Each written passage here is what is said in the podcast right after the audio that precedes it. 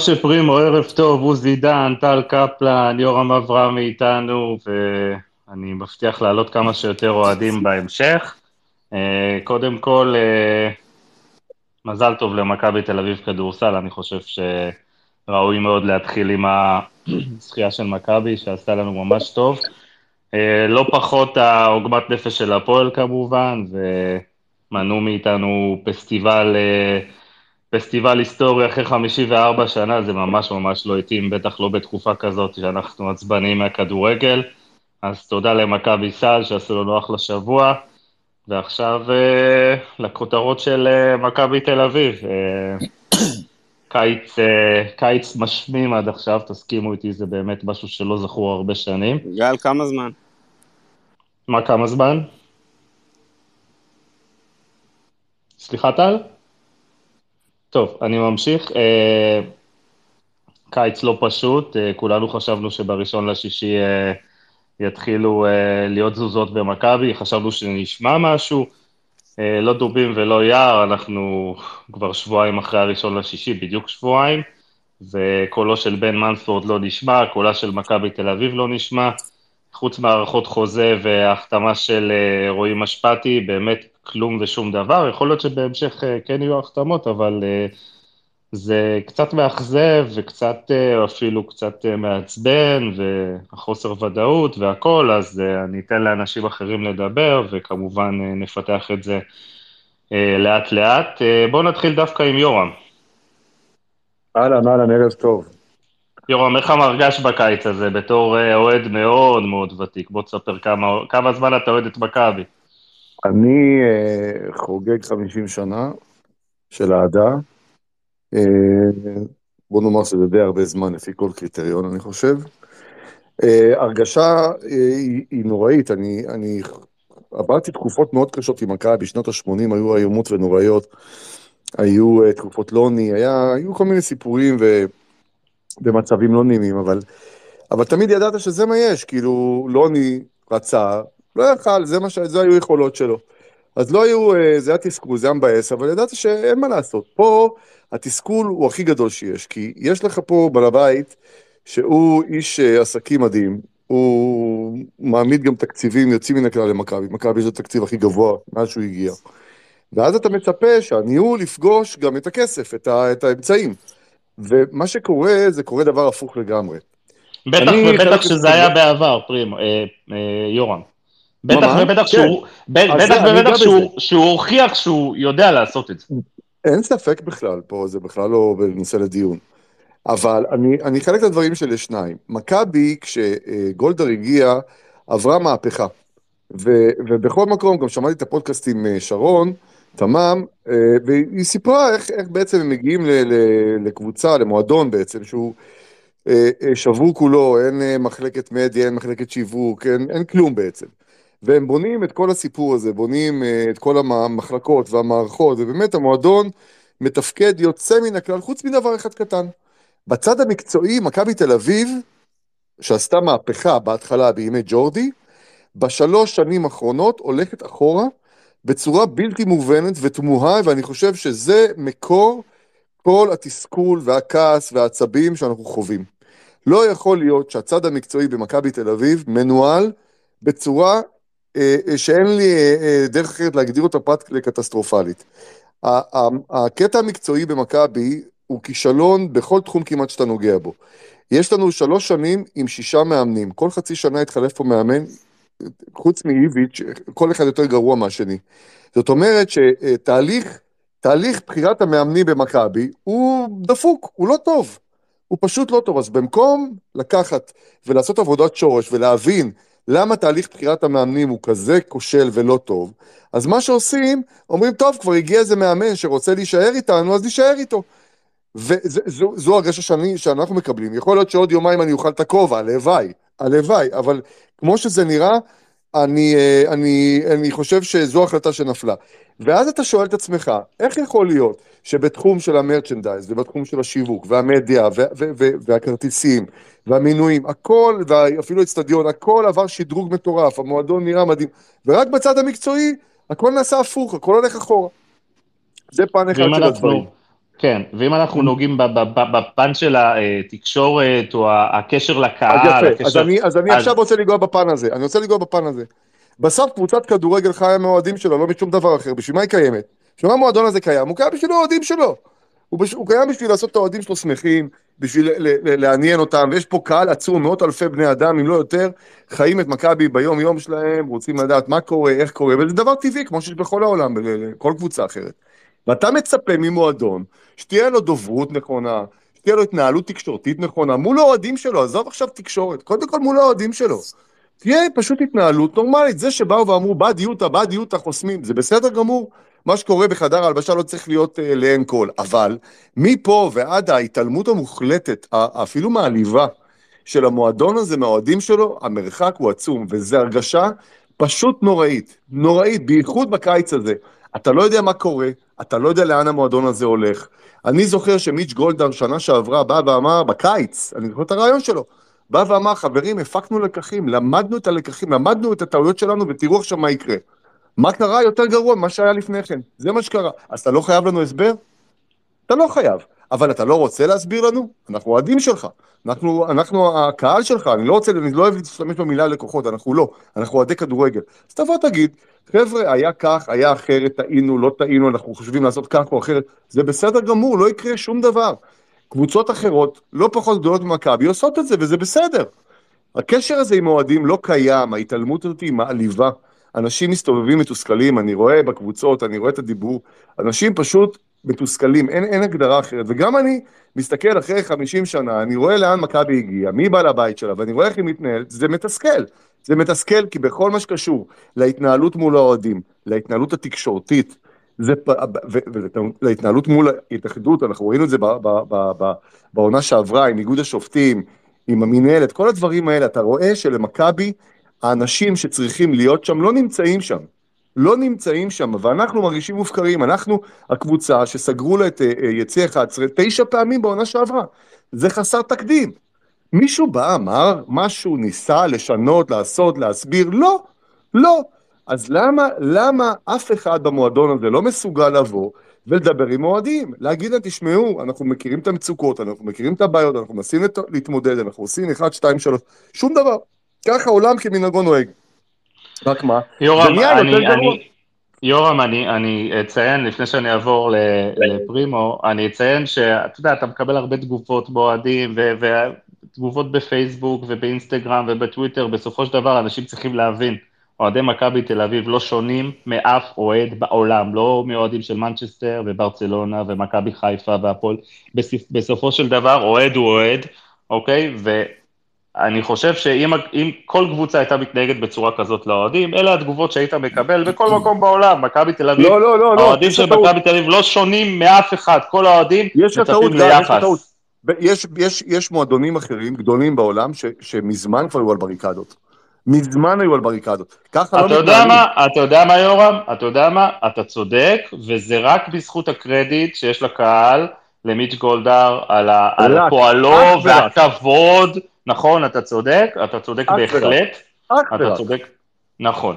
ואני מוכרח לציין עוד משהו קטן, זה, זה באמת הרבה אנשים, לא אחד ולא שניים, וזה לא אוהדים, זה אוהדים רציניים, שאומרים לי, שראו דבר או שניים בכדורגל, ואומרים לי את הדבר הזה, אין עוד מועדון כדורגל בעולם, מועדון צמרת, לא עכשיו uh, הפועל חדרה, שמתנהג לאוהדים שלו כמו שמכבי תל אביב מתנהגת לאוהדים שלה. לא אני את זה אמרתי, כן? אבל שמעתי את זה כל כך הרבה, שאני חייב גם נכון. לציין את זה בספייס. גל, זה נכון, גל, זה, נכון, זה פשוט כך. ההתנהלות הזאת, ההתנהגות של מכבי תל אביב, לאוהדים שלה היא מבזה, לא פחות. מבזה. מבזה, ההתעלמות הזאת היא מעליבה. אין לזה הגדרה אחרת, והחיצים הם מופנים לא לאף אחד אחר, רק לבן אדם אחד, זה מיץ' גולדהר. זה נכון. האיש בעצם שמנהל את מכבי. עכשיו, אני אומר, תראו, כסף זה הדבר הכי חשוב בכדורגל, אחריו זה ניהול. אבל כסף בלי ניהול לא שווה כלום.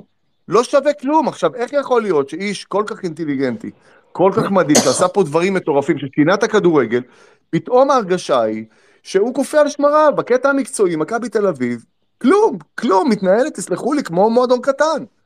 איזה מועדון בעולם היה משלים עם זה שהכתב שמסקר אותו הוא אבא של שחקן ואוהד שרוף של, של היריבה הכי גדולה שלך. אף אחד לא אכפת לו מזה, אף אחד לא, לא מעניין אותו ש, ש, ש, שמוציאים פה ידיעות מצוצות מן האצבע בשביל לפגוע במועדון, ממציאים כל מיני המצאות, כלום, לאף אחד זה לא אכפת. למי זה אכפת? לאוהדים שאוכלים את הלב. אז הגיע הזמן, הגיע הזמן שבכל מקום, לא רק פה, גם בקנדה הרחוקה, ישמעו את הדברים, אנחנו לא, עוד פעם, זה לא אנשים שיגידו, אה, המטומטמים האלה מתחילים לצעוק על מיץ גולדה, מה יש לכם במקום? זה לא המצב בכלל. המצב הוא אחר. אני חושב שהגיע הזמן שישמעו גם את הצד של האוהדים, שמדברים, איך אומרים, מנהמת ליבם, לא משום מקום אחר, מהכאב שיש כאן. ויש פה כאב, יש פה כאב, כי אתה בסוף אוהד כדורגל, אתה רוצה לראות את המועדון שלך ולשמוע מה הוא עושה ומה לא עושה. אני לא אומר, כל יום תתקשרו, תגידו, כן, אנחנו מנהלים, ממש לא. אבל להגיד, הסתיימה עונה, הולכת להיפתח עונה חדשה, יש כאן מאמן שכל העולם, כל העולם לא יודע, נמצא, לא נמצא, תחת חוזה, לא חוזה, פוטר, לא פוטר, כן יפוטר. תפסיקו את המחול שדים הזה, תצאו, החלטתם שזה המאמן, תגידו חבר'ה, זה המאמן, מספיק עם השטויות. למה, לנו... למה המשחקים האלה? למה? למה המשחקים האלה? למה זה טוב? יש, למה זה טוב? האייטם הבא יהיה באמת ההתנהלות התקשורתית של מכבי תל אביב בנושא קרנקה, יש הרבה דעות, נשמע גם אותך בהמשך. אה, פרימו. אהלן, מה העניינים? אה, מצוין, מצוין, יש לנו פגרה. קודם תן לי לענות כן. אה, בשני דברים ליורם, על דברים שהוא אמר. קודם כל, לגבי תסכול האוהדים, אני לא נכנס לזה בכלל, אני יכול להבין אתכם, וכל אוהד שמתוסכל, אי אפשר להגיד לו, אל תהיה מתוסכל, כי תסכול זה בא מהבטן, ואני יכול להבין את מה שיורם אמר. אבל יורם נגע במשהו שהוא הזכיר את תקופת ג'ורדי קרויף, ואני רוצה להגיד על שני שינויים מאוד מאוד מהותיים אה, בין מכבי תל אביב של ג'ורדי להיום.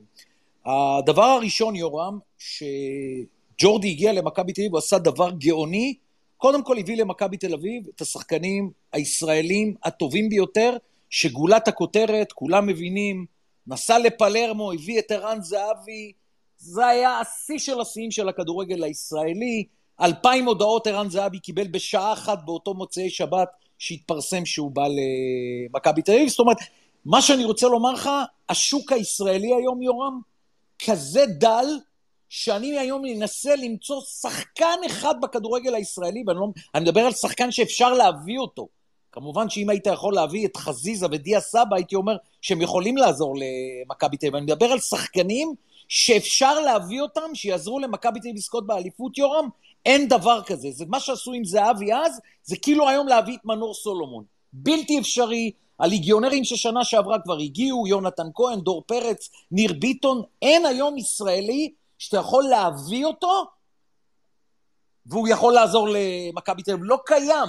אפילו אלה שמדברים איתי על ירדן שועה, אם הוא יכול לעזור למכבי תל אביב, לא יודע. אני יודע שירדן שועה הוא מצוין לביתר ירושלים עם יוסי אבוקסיס. לבוא להיכנס למערכת כל כך מקצוענית, כל כך אירופאית כמו מכבי תל אביב, אולי יהיה גדול על אה, ירדן שועה. והדבר השני שחשוב לי בהשוואה לג'ורדי קרוף שאמרת, אתה יודע, הוויכוחים הכי גדולים שהיו לי עם אוהדי מכבי תל אביב, עם מכבי תל אביב עצמה, היה, היו שג'ורדי סגר את קריית שלום, ופתאום אה, האוהדים מאוד היו מרוצים מזה שמכבי תל אביב מתנהלת כמו אה, ארגון צבאי, שלא אומרים שום דבר, והכל נעשה בסתר, ו- ופה ושם הודעות, אבל, אבל הם סגרו את התקשורת, לא נתנו שום דבר, ו- ואמרו, זה אירופה. ו- קורה היום, שאתם רוצים בדל של מידע, בדל, אז אתם, אתם באים בטענות, למה אנחנו, למה, למה מכבי תל אביב לא מוציאה לנו אה, אה, הודעות לתקשורת? עכשיו אתם רוצים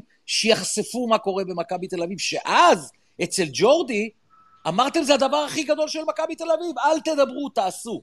היום הם לא עושים ולא מדברים, וזה מוציא אתכם מהכלים. אלה לדעתי שתי התשובות שאני רוצה לתת לך לגבי ההבדל בין שהזכרת את תקופת ג'ורדי להיום, תקופה שונה מאוד, גם תקשורתית וגם uh, שחקני כדורגל ישראלים שאין לנו כאלה, יורם. אני מסכים, תראה, אני, אני רק רוצה להעיר הערה אחת, אין לי בעיה עם, ה, עם האיפול התקשורתי, אין לי בעיה שיש הפרדה מלאה בין מה שנעשה ביום יום בקריית שלום לבין התקשורת, ממש לא להפך, אני חושב שזה דבר מבורך, אבל יש מצב, יש מצבים שלפעמים בן אדם כמו בן מנספורט שנכנס לתפקיד שלו, ראוי שיעשה מסיבת עיתונאים לרגל כניסתו לתפקיד. ראוי שישחרר איזושהי הצהרה או הודעה או ראיון אפילו באפליקציה. ראוי שיהיה משהו שיגיד, הנה, נכנסתי לתפקיד, זה מה שאנחנו מתכוונים לעשות. תראה, ברק יצחקי, לך דוגמה, ברק יצחקי עזב את מכבי. הוא היה מנהל מחלקת הכדורגל, זו הייתה ההגדרה שלו. וגם המנכ"לית עזבה, גם שרון תמם. אז במקום שרון תמם, הביאו את בן מנספורד. מי מגיע במקום ברק יצחקי? אף אחד לא יודע. יגיע מישהו? אף אחד לא יודע. למה לא להגיד, כן, אנחנו נאייש את התפקיד בחדשים הקרובים? אוקיי, בסדר. למה? מה, מה, מה מסובך בזה? מה מסובך בזה? למה אי אפשר לבוא ולהגיד, לא יהיה מנג'ר במכבי כי בן מנספורד ימלא את התפקיד? מה זה סודי? זה שב"כ? זה איזה מידע שאסור לחשוף לפני, אני לא יודע מי? מה הסיפור כאן? על זה אני מדבר. לא מדבר עכשיו, תגידו לי מי, מי הלך ומי נפצע, לא מעניין אותי. אותי מעניין ברמה, ברמת הלמעלה, האסטרטגית, איך מכבי תל אביב הולכת להתנהל. זה מעניין אותי, כן, אני רוצה לדעת. וכמוני, כשאני אומר אני, זה לא אני יורם אברהמי, אני אומר, יש, יש מיליון אוהדים עכשיו במכבי תל אביב, רוצים לדעת, רוצים לשמוע. מה הבעיה? אולי בתחילת האימונים, בסוף החודש הרי מתחילות הבדיקות הרפואיות במכבי, זה ההתכנסות הראשונה בקריית שלום, אולי אה, בהתכנסות הזאת... כן, אה... אבל פרימו, אתה יודע מה יקרה אז? אתה יודע מה יקרה אז? כל הלחץ שאתה שומע עכשיו, כל הקיטור הזה, כל הסיר הזה שמבעבע, יתפרץ אז. למה? כי, כי תוסיף לזה, זה לא רק העניין הזה, זה גם העניין של קרנקה נשאר כן, נשאר לא. אוקיי, כל אני הדבר לא הזה... כש... אני אגיד לך למה אני לא מסכים איתך, כי... למה? לקרנקה יש חוזה לעוד שנה. עכשיו, אם יש לו חוזה לעוד שנה, מיץ' גולדהר לא יכול להורות לדוברות מכבי תל אביב, תוציאו הודעה שקרנקה נשאר. רגע, פרימו, פרימו, בסדר, אני, לא אני, אנחנו קפצנו קצת קדימה. פרימו, אנחנו קפצנו קדימה, אתם רוצים, אתם רוצים לפתח את זה בכיף, אני אפתח את זה עכשיו, יש לי המון מה להגיד, או שאתה רוצה שנדבר על, על, על, על ערן וה... ומה שהוא אמר בחדר הלבשה. בואו נתחיל עם ערן. אין בעיה, דווקא בגלל שרוב אוהדי מכבי תל אביב ורוב שחקני מכבי תל אביב בחדר הלבשה, בעד אה, שקרנקה יעזוב, ואנחנו יודעים גם אה, על שחקנים ש... רוב מוחלט. כן, כן, אנחנו יודעים גם על שחקנים שהתבטאו בחוגים מסוימים שלקרנקה אסור אה, להישאר. לכן באתי עם הסיפור הזה של ערן זהבי, שהוא בדיוק הפוך. הפוך ממה שחושבים רוב האוהדים והפוך ממה שחושבים רוב השחקנים, וערן זהבי אומר באלה המילים, מילה במילה בחדר הלבשה. אה, קרנקה לא אשם, אנחנו השחקנים אשמים, קרנקה מאמן מצוין, אני רוצה שהוא ימשיך פה לאמן בעונה הבאה, קרנקה טוב יותר מאיביץ'. אלה המילים המדויקות, אחד לאחד שאמר בחדר הלבשה לשחקני מכבי תל אביב. אה, שמע, יכול להיות שעוד אנשים שמעו את זה, יכול להיות שמסיבה כזאת או אחרת הם בחרו לא להוציא את זה. אני, בגלל שמדובר בערן זהבי, הכוח המוביל של אה, שחקני מכבי תל אביב, ש- שהיה, שבעצם הוא במילים שלו הוא אה, הפוך ממה שרוב אוהדי מכבי תל אביב ורוב השחקנים חושבים, היה חשוב אה, להוציא את הדבר הזה. תשמע, פרימו, אה, לפני איזה חודשיים, לדעתי, אני באתי ואמרתי בספייס, אני לא זוכר אחרי איזה משחק, שאני סומך על ערן, שידע להציג את התמונה האמיתית לג'ק ולמיץ', ויש לו קו ישיר למיץ', ויספר מי זה קרנקה, ו... וכמה הוא לא מאמן טוב, כי ערן לא ירצה לסיים את הקריירה שלו אה, במפח נפש, את העונה האחרונה אולי בקריירה שלו. אה, סיימנו את הספייס, וקיבלתי, התחלתי לקבל הודעות מכל מיני אנשים שאני חלקם אני מכיר, חלקם אני פחות מכיר, שניסו לסתור את מה שאני אומר. עכשיו, אני לא אמרתי משהו מידיעה, אני אמרתי משהו מהערכה. ראיתי את מכבי תל אביב, ראיתי איך היא משחקת, ואמרתי, אוקיי, זה לא מתאים, אני מאמין שזה לא מתאים לרוב השחקנים, וחשבתי ש- שאכן כך הם הדברים. אה, והיו לא מעט אנשים שלא קשורים אחד לשני, שניסו להוכיח לי שאני טועה. אה, זה לא קרה לפני שבוע, זה לא קרה לפני שבועיים, זה קרה מזמן. עכשיו, אה, את הסיפורים האלה זה לא רק אני שומע שערן רוצה את קרנקה. כמה זה נכון, כמה זה לא נכון, וואלה, אני לא יודע, אני לא מטיל ספק במה שאתה פרסמת, פרימו. אה, אני לא יכול להגיד שאני שמעתי בדיוק את הדברים האלה, אבל אני כן יכול להגיד ששמעתי מלא מעט אנשים שקרובים לשחקנים, שבאמת ערן בדלתיים סגורות תמך בקרנקה. למה זה רלוונטי? זה לא רלוונטי, אבל uh, בוא נגיד ש... אני מניח שערן גל הוא לא היחידי שתומך בקרנקה. בוא, בוא נשים את הדברים כמו שהם. זכות הקהל, בסדר, אם, בסדר, אם כן ואם לא. בוא, רגע, לא, לא. זכות הקהל, זכות, ערן הוא כוכב כדורגל, ואני מעריץ את ערן, ותמכתי בו. אתה, יודע מה, גם אין לי שום בעיה, אין לי שום בעיה שהוא תומך בקרנקה. אבל אני אומר שאם ערן הוא דמות ציבורית, אז. אוקיי. אתה יודע, גם, אני מבין את החשיפה של פרימו, גם זכות הקהל לדעת. מה כוכב הכדורגל של מכבי תל אביב חושב על המאמן שלו, עם כל ברור, הכבוד. מה- זכותו. מה רצית, אה, קפלן, אני רק אגיד משפט. זאת אומרת, אם הי- אם הייתי שומע את זה מחוזז, מפיוון, מ- מ- מ- אני לא יודע, אתה יודע מה, הילדים... זה לא היה מקבל משמעות, אבל אם ערן זהבי אומר את הדברים האלה, הכוכב הבלתי מעורער, תסכים איתי שהאוהדים, אתם כל האוהדים, זה השחקן הכי אהוב עליכם, הוא המנהיג, הוא בא לישראל בשביל לזכות באליפות, וכולנו היינו משוכנעים שהוא יכול להתמודד על האליפות עם מכבי חיפה בזכות היותו ערן זהבי. והוא זה שמצדד במאמן שאתם לא רוצים אותו, זה משמע, משמעותי מאוד, מאוד. אתה אומר, מה זה רלוונטי? זה לא רלוונטי אולי מבחינת גולדהר אם החליט או לא החליט אם אה, יישאר, אבל כשערן זהבי אומר דבר כזה, שמע, זה פצצה. אוקיי, אז, אז בואו בוא נציג את הדברים כמו שאני חושב. סליחה שאני מתפרץ לדלת פתוחה, אבל בואו נציג את הדברים כמו שאני חושב. לא האוהדים ולא השחקנים, בין אם מחזיקים דעה כזאת או אחרת, וכולנו מחזיקים דעות לכאן ולשם. אני מניח שהרוב פחות רוצים אה, אה, אה, את המאמן, אם אפשר להגדיר ככה, אני לא יכול... בכל זאת, הבן אדם מחזיק תעודה. אה, רוב, רוב האנשים לא רוצים, ורוב, וחלק מהאנשים כן רוצים, כנ"ל זה גם בשחקנים.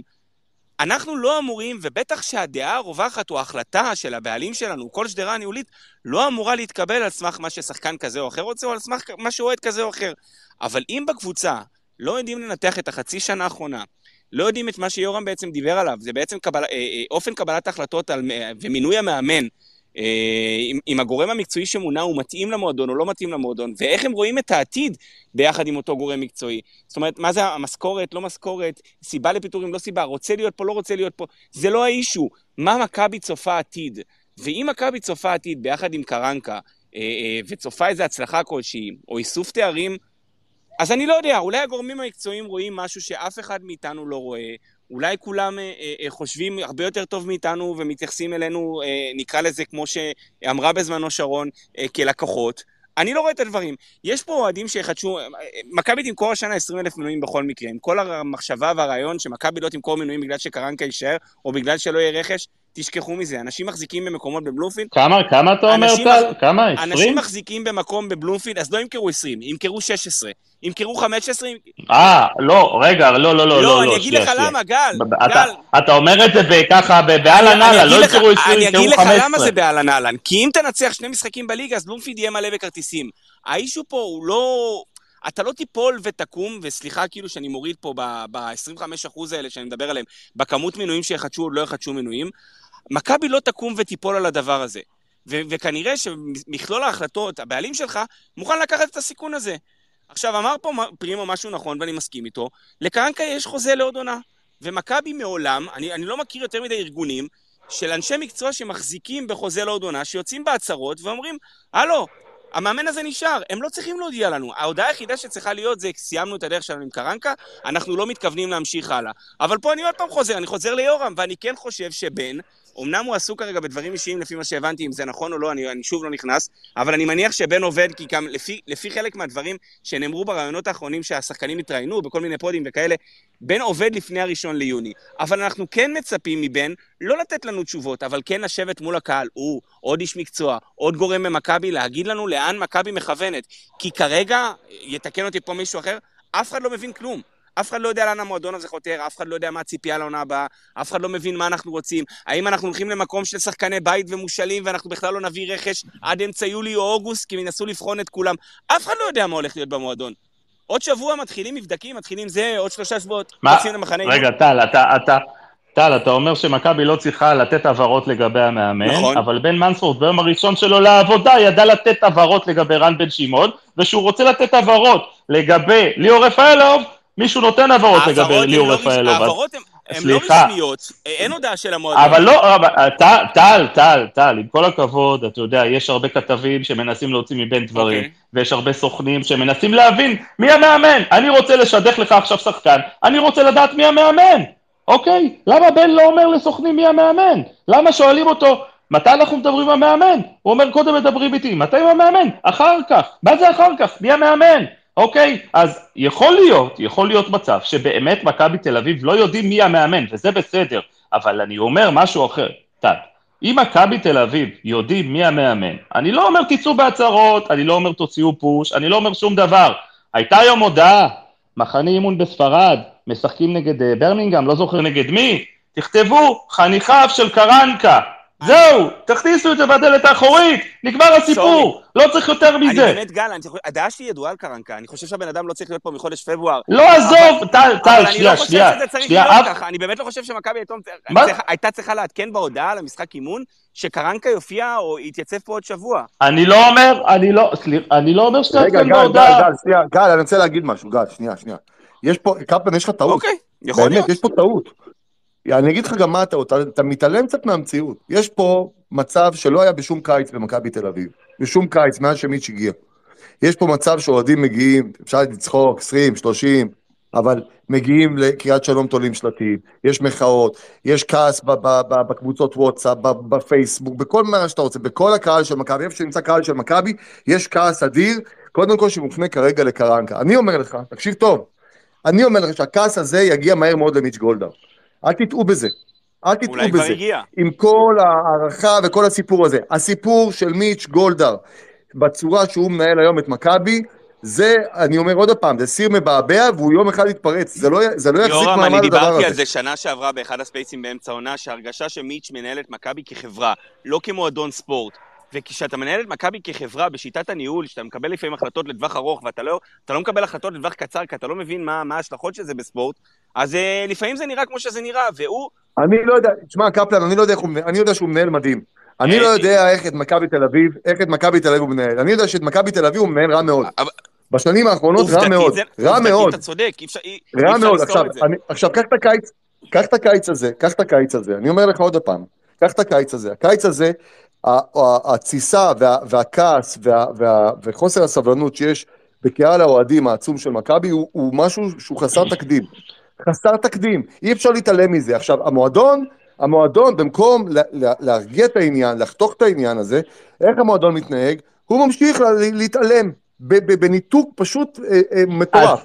אז יורם, יש לזה. תשובה אחת, יש לזה תשובה אחת. או שזה באמת התעלמות, ואם קרנקה ימשיך להתעלם, או שבאמת לא יודעים מי יאמן את מכבי תל אביב בעונה הבאה. אבל- אני לא- אבל סליחה, אני לא מכיר את בנספורד בצורה כזאת, גל, שהוא גל, מפחד להגיד. תשמעו, גל. רן בן שמעון לא רלוונטי, יש לנו מאמן. למה הוא לא אומר את זה? גל, תקשיב, היה פה מאמן שהביא טראבל. היה מאמן שהביא טראבל וקיבל שפיץ. העיפו אותו, פאקו. פאקו הביא פה אליפות, גביע, גביע טוטו, וסיים את התפקיד שלו. למה? כי היה פה מנהל מקצועי שקראו לו ג'ורדי, והוא קבע. והוא לא עשה חשבון לאף אחד, הוא אמר, זה מה יהיה, נגמר הסיפור, לא מתאים לי המאמן הזה. כדורגל שלו לא יפה, לא יפה לעין. ואני מאוד, מאוד הסכמתי עם ההחלטה הזאת, כי אני חושב שבסוף קבוצה כמו מכבי, לא רק מחויבת לתארים והישגים, גם מחויבת לפאן של הקהל שלה. ופאקו לא סיפק את זה, אז הוא אמר שהוא מאמן לא טוב ושלח אותו הביתה.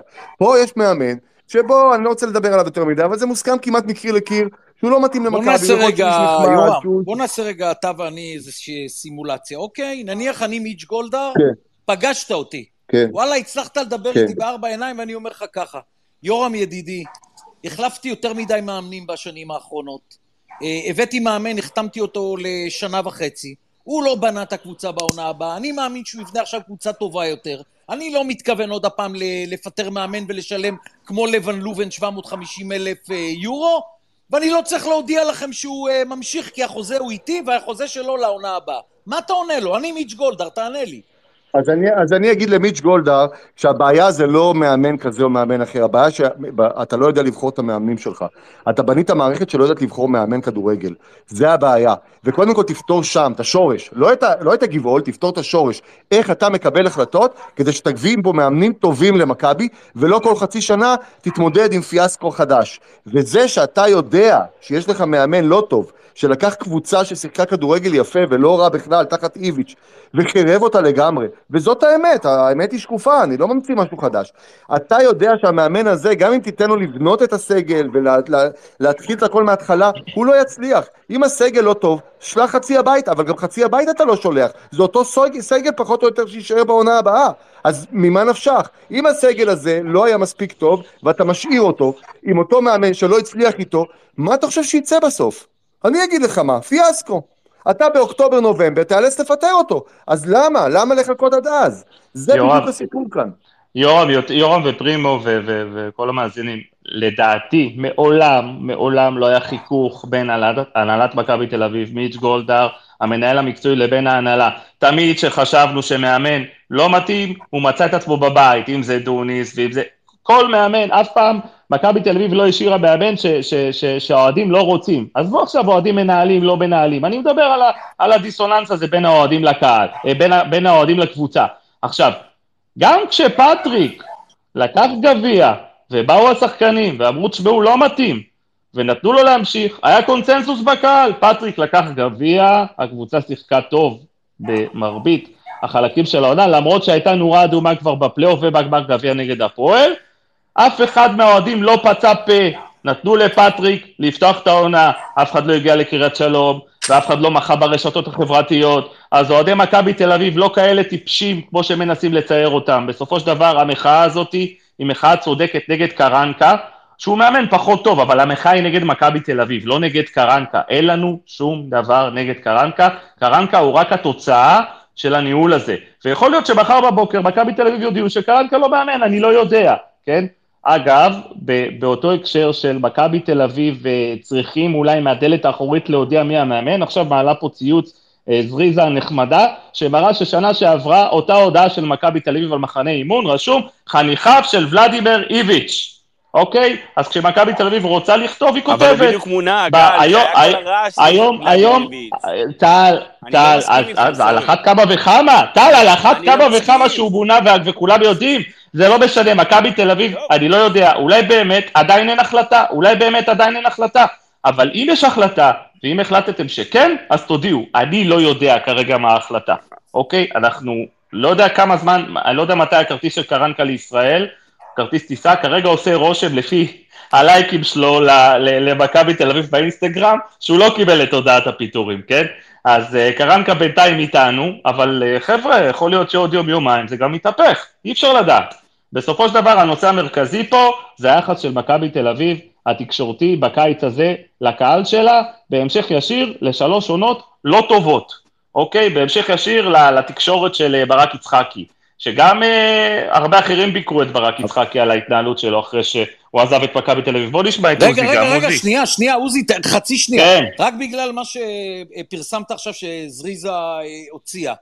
אה, ההבדל הגדול הוא כזה, אה, שנה שעברה שאיביץ' הגיע, היה טירוף מוחלט של מכבי תל אביב בעד המאמן. זאת אומרת, נכון. איפה שהם, איפה שהם יכלו להגיד, איביץ' חזר, איביץ' הגיע, איביץ' יצא למחנה אימון, הם הבליטו את זה, בזה היא צודקת. אבל עכשיו שכל המחאה היא נגד קרנקה, לבוא לשים לכם את זה, חניכיו של קרנקה יצאו למחנה אימון, הם היו עושים לכם... אה, ככה מועדון, ככה מועדון צריך להתנהג. פרימו, כאילו, מה, לפחד מהקהל, כאילו? לפחד מהקהל ולא לפרסם את... אתה רואה אם שכן, קרנקה עובדה אתה רואה מוגמרת... שכן, אתה רואה שכן. אני אומר, אני אומר, זה לא צריך להיות ככה. אני אומר, זה לא צריך להיות ככה. אבל שוב, אני מסתייג פרימו ואומר שיכול להיות, אני, קשה לי להאמין שמכבי, אני ממש, אני אפילו לא רוצה להאמין, כן? זה מעליב לחשוב שמכבי תל אביב יודעת שקרנקה ממשיך ולא מפרסמת את השם שלו. אוקיי? זה מעליב לחשוב אפילו דבר כזה. אני עדיין בתוך תוכי מקווה שלא יודעים מי המאמן, אז לא רוצים אולי לפרסם. אני לא יודע. זה שקרנקה בא ועושה לייקים והכל ומראה את עצמו, זה עדיין לא אומר שום דבר. בוא נשמע את עוזי. עוזי, אני מאוד אשמח לשמוע את הדעה שלך. אני אגיד לכם את האמת, אני לא האמנתי שקרנקה ימשיך, אני מתקשה גם עכשיו להאמין, אבל כנראה שזה מה שקורה. עכשיו, אני מאוד מסכים מה שאמרת על המחאה וכולי, זאת אומרת, מכבי, אה, בטח אה, דיבר פה יורם, שאנחנו פחות או יותר בני אותו גיל, עברנו תקופות הרבה הרבה הרבה הרבה הרבה יותר גרועות, אתה יודע, מכבי, מכבי גם כמעט ירדה ליגה ב-1976, שנות ה-80 שיורם דיבר עליהם, שהיו 13 שנה של גיהנום אה, עד שאברהם גרנט הגיע והחזיר אותנו לעניינים, אה, לוני וכולי. יש פה איזה מצב שבאמת לא היה ב-12 שנה האחרונות, לא יודע כמה, ולכן האוהדים מוחים, מה שאמרת גל הוא מאוד נכון, העניין הוא לא קרנקה עצמו, שהוא כנראה בן אדם נחמד אבל מאמן גרוע, אלא, אלא הניהול של מכבי ומה שקורה, וההרגשה הייתה שהנה, ברק הלך, אה, שרון הלכה, אה, בן הגיע, שמבינים ש, שצריך פה סידוד מערכות ושינוי רציני, וברור שבסוף, עם כל הכבוד לשדרה הניהולית, אה, מאמן ושחקנים, זה, זה האנשים ש, ש, שמשחקים ומנהל, ו- ו- מבחינת כדורגל. אני באמת לא יודע מה להגיד, אז, אז נכון שהוא חתום לשנה וחצי, ונכון שתחלופה של מאמנים, אה, כמו שהייתה לנו, חלקם גם לקחו אליפויות, זה לא משנה. זה, זה לא דבר בריא, אבל, אבל אם מכבי תל אביב אה, מחליטה אחרי חצי שנה איומה ונוראה של המאמן הזה, שהמנהל המקצועי הולך וכולי וכולי, אבל המאמן נשאר רק בגלל שיש לו חוזה, אה, אז אנחנו בבעיה, וכמו שאמר פה טל, אני חושב, אם זה ככה, הסיכויים שבאוקטובר, בנובמבר, בחנוכה, אה, הוא ילך הביתה ומכבי חיפה היו בעשר הפרש מאיתנו ואנחנו עוד פעם אולי נקווה לגביע, הם מאוד מאוד גבוהים. ו- וזה מוזר, זה מוזר כי, כי, כי אם אחרי שלוש שנים לא הבינו בקנדה ש- ש- שיש פה בעיה, ואחרי חצי שנה של, של קרנקה לא הבינו שהוא לא מתאים, אז אני מאוד מאוד מאוד מאוד אה, פסימי. יכול להיות, יכול להיות, שהחליטו שעד שלא יהיה, יכול להיות שמחפשים מאמן ורוצים עכשיו, אתה יודע, יכול להיות שמחרתיים אנחנו אה, נקבל הודעה ש, שהחתימו את אני לא יודע מי אה, לשלוש שנים ונקבל עכשיו מאמן נהדר ו, וניקח אליפויות והכל יהיה טוב. ו, ולא רוצים להעיר שדיבי רבצם ואומרים, אה, האוהדים, בסדר, בסך הכל שיחכו.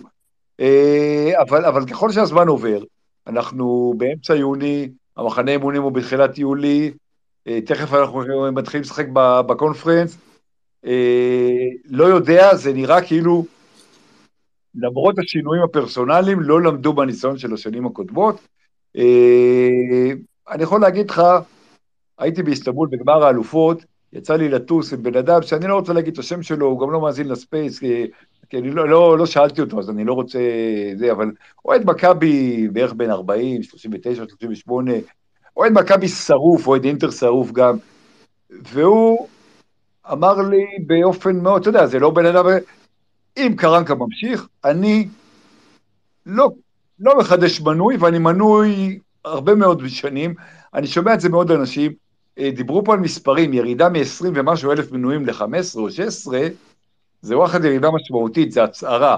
אז נכון, יגיעו ניצחונות, יקנו כרטיסים, אבל אני חושב שמיץ' גולדהר ובן מנספורד, לא יכול להיות שהם לא מבינים את זה, אה, ולא יכול להיות שאחרי כל הדברים הנהדרים שקרו בתקופה של מיץ' גולדהר, חלק בגלל ג'ורדי, או בזכות ג'ורדי, חלק לא קשורים לג'ורדי, אלא קשורים למיץ' עצמו, וכמובן לכסף ולכל זה. אם אנחנו הולכים אחורה ושוב, יכולה לקרות עונה גרועה, יכולה להיות עונה פיננסית, זה בסדר גמור, אבל אנחנו אחרי שלוש שנים שמכבי חיפה לקחו לנו אליפות על הראש, עשו מאיתנו צחוק. אה, וואלה, אם, אם קרקע נשאר כ- כמאמן, אנחנו, איך כותב מישהו בטוויטר? אנחנו, אני חושב שטורג'י הולך להיות עשור קשה, לא שנה קשה. יכול להיות, לא, לא, אבל אני נשבע לשאול שאלה, יכול להיות שבן לא הוחזר פה לעשות מהפך מטורף, אלא לבוא לגישת הפייר פליי שהייתה פה לפני, אה, כמה הוא היה פה? לפני חמש שנים? הרי בסופו של דבר בן, בן אה, הגיע בתקופה לא פשוטה למכבי, הגיע בתקופה שמכבי הייתה מאוד מוגבלת, ולא יכלה לקנות שחקנים אה, בהתאם רק למה שהיא מוציאה, מכניסה, סליחה. וחזרו פה לא מעט ילדים מכל מיני קבוצות שהושאלו והכול. ויכול להיות שלשם מכבי מכוונת השנה עם קרנקה, אני, אני באמת שואל, יכול להיות שכל הניהול... אבל למה? למה אחרי, אחרי שנכשלת שלוש שנים, שמכבי חיפה מאזרחת, כי... מחזקת, ליאור רפאלב למשל, זה, אם ג'ורדי קרויף היה היום המנהל המקצועי של מכבי, ליאור רפאלב לוחץ אצלנו. עוזי, עוזי, אבל, אבל גם לפני שבן הגיע, אתה גם נכשלת שלוש שנים, מול באר שבע. זאת אומרת, הסיטואציה היא סיטואציה דומה להגעה של בן. בן, בן, בן, בן, בן הגיע בשנה שבאר שבע לקחה את האליפות האחרונה. בן הגיע בתחילת העונה שבאר שבע לקחה את האליפות האחרונה? נכון. בן הגיע לפני איביץ', בוודאי. אוקיי, אני זכרתי שהוא הגיע דווקא בעונה. אבל, אבל, אבל, אה, קפלן, בן הגיע, בן, הגיע. בעונה של ג'ורדי, בן הגיע בעונה של ג'ורדי, קפלן. קפלן, אה, תן, קצת קרדיט לבן מנספורד. אני נותן המון קרדיט, דרך אגב. אני, לא, אתה לא, אני אגיד לך למה, כי, כי מה שעבד בעידן הפייר פליי, הוא לא, אה, זה לא שיטה, זה עבד כי היה גם דור של שחקנים מאוד מוכשר שיצא אז להשאלות והבשיל, מה שלא בטוח שיש לך כרגע, אוקיי?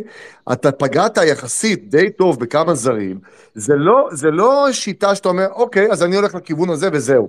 זה לא נכון לחשוב כך. כך לא מנהלים קבוצת כדורגל. כל עונה וה, והסיפור שלה. כל עונה, כל קיץ, והשחקנים שאתה יכול להביא. אני רק רוצה לתת לכם אנקדוטה אחת, הלכתי כבר אחורה לימי פטריק ואן לוון, והיציאה למחנה, ההודעה על יציאה למחנה נפתחת במילים חניכיו של פטריק ואן לוון ישהו בבלה בלה בלה בלה. זאת אומרת שזה לא היה רק בשנה שעברה בימי פסטיבל איביץ', זה גם היה בשנה שלפני כן. מה שעוד פעם מחזיר אותנו להודעה התמוהה של מכבי היום, ושוב, לערפל הזה ולערפול הזה, שאני לא יודע מה המקור שלו, האם לא רוצים להדליק את האוהדים ולהגיד כן, זה קרנקה סופית, ולמשוך את זה ככל הניתן עד הסוף, או שבאמת מחפשים מישהו, אני, אני באמת לא יודע, אם אתם מחפשים מישהו ואתם חושבים שזה לא המאמן, תפטרו אותו, מאוד פשוט, מה הבעיה? תפטרו את הבן אדם, תגידו, סיים את תפקידו, תודה רבה. יורם, מכבי תל אביב צריכה לשאול את עצמו שאלה פשוטה אחת, אם קרנקה היה לו חוזה לחצי עונה, עם אופציה של מכבי תל אביב נגיד, או חצי עונה או אופציה, זה לא משנה. האם קרנקה היה ממשיך או לא ממשיך? זה הכל. והתשובה ברורה לכולם. אם לקרנקה היה חוזה לחצי עונה, ככל הנראה הוא היה בבית. הוא לא היה ממשיך. אז אם מכבי תל אביב ממשיכה את קרנקה רק בגלל שיש לו עוד עונה, רק בגלל שהוא חתם לעונה וחצי, זה לא טעות, זה, זה הרבה יותר מטעות, כן? אני לא רוצה להשתמש במילים לא, חריפות. לא, לא, אני אמרתי... זה אפילו טיפשות. אני אמרתי אז- במפורש, אם, זה, אם הסיפור פה, משאירים את קרנקה אחרי שהוא נכשל בכל משימה שהייתה לו, בין בגביע ובין בלהציג, אה, אה, להתמודד על האליפות, הוא פשוט נכשל, כישלון חרוץ, הרבה יותר מקרסטייץ' שהיה לפניו. נכון. זה אומר שמכבי תל אביב, מכבי עכשיו באה ואומרת, הרף שלנו יורד.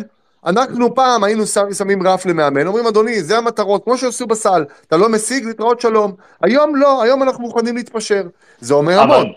יורם, אני חוזר ואומר, רגע, רגע, יורם, אני חוזר ואומר, ואני אגיד את זה כל ספייס. מעולם מיץ' גולדהר לא השאיר פה מאמן שלא היה טוב למכבי תל אביב, והקהל לא חשב שהוא טוב למכבי תל אביב. זה לא קרה מעולם.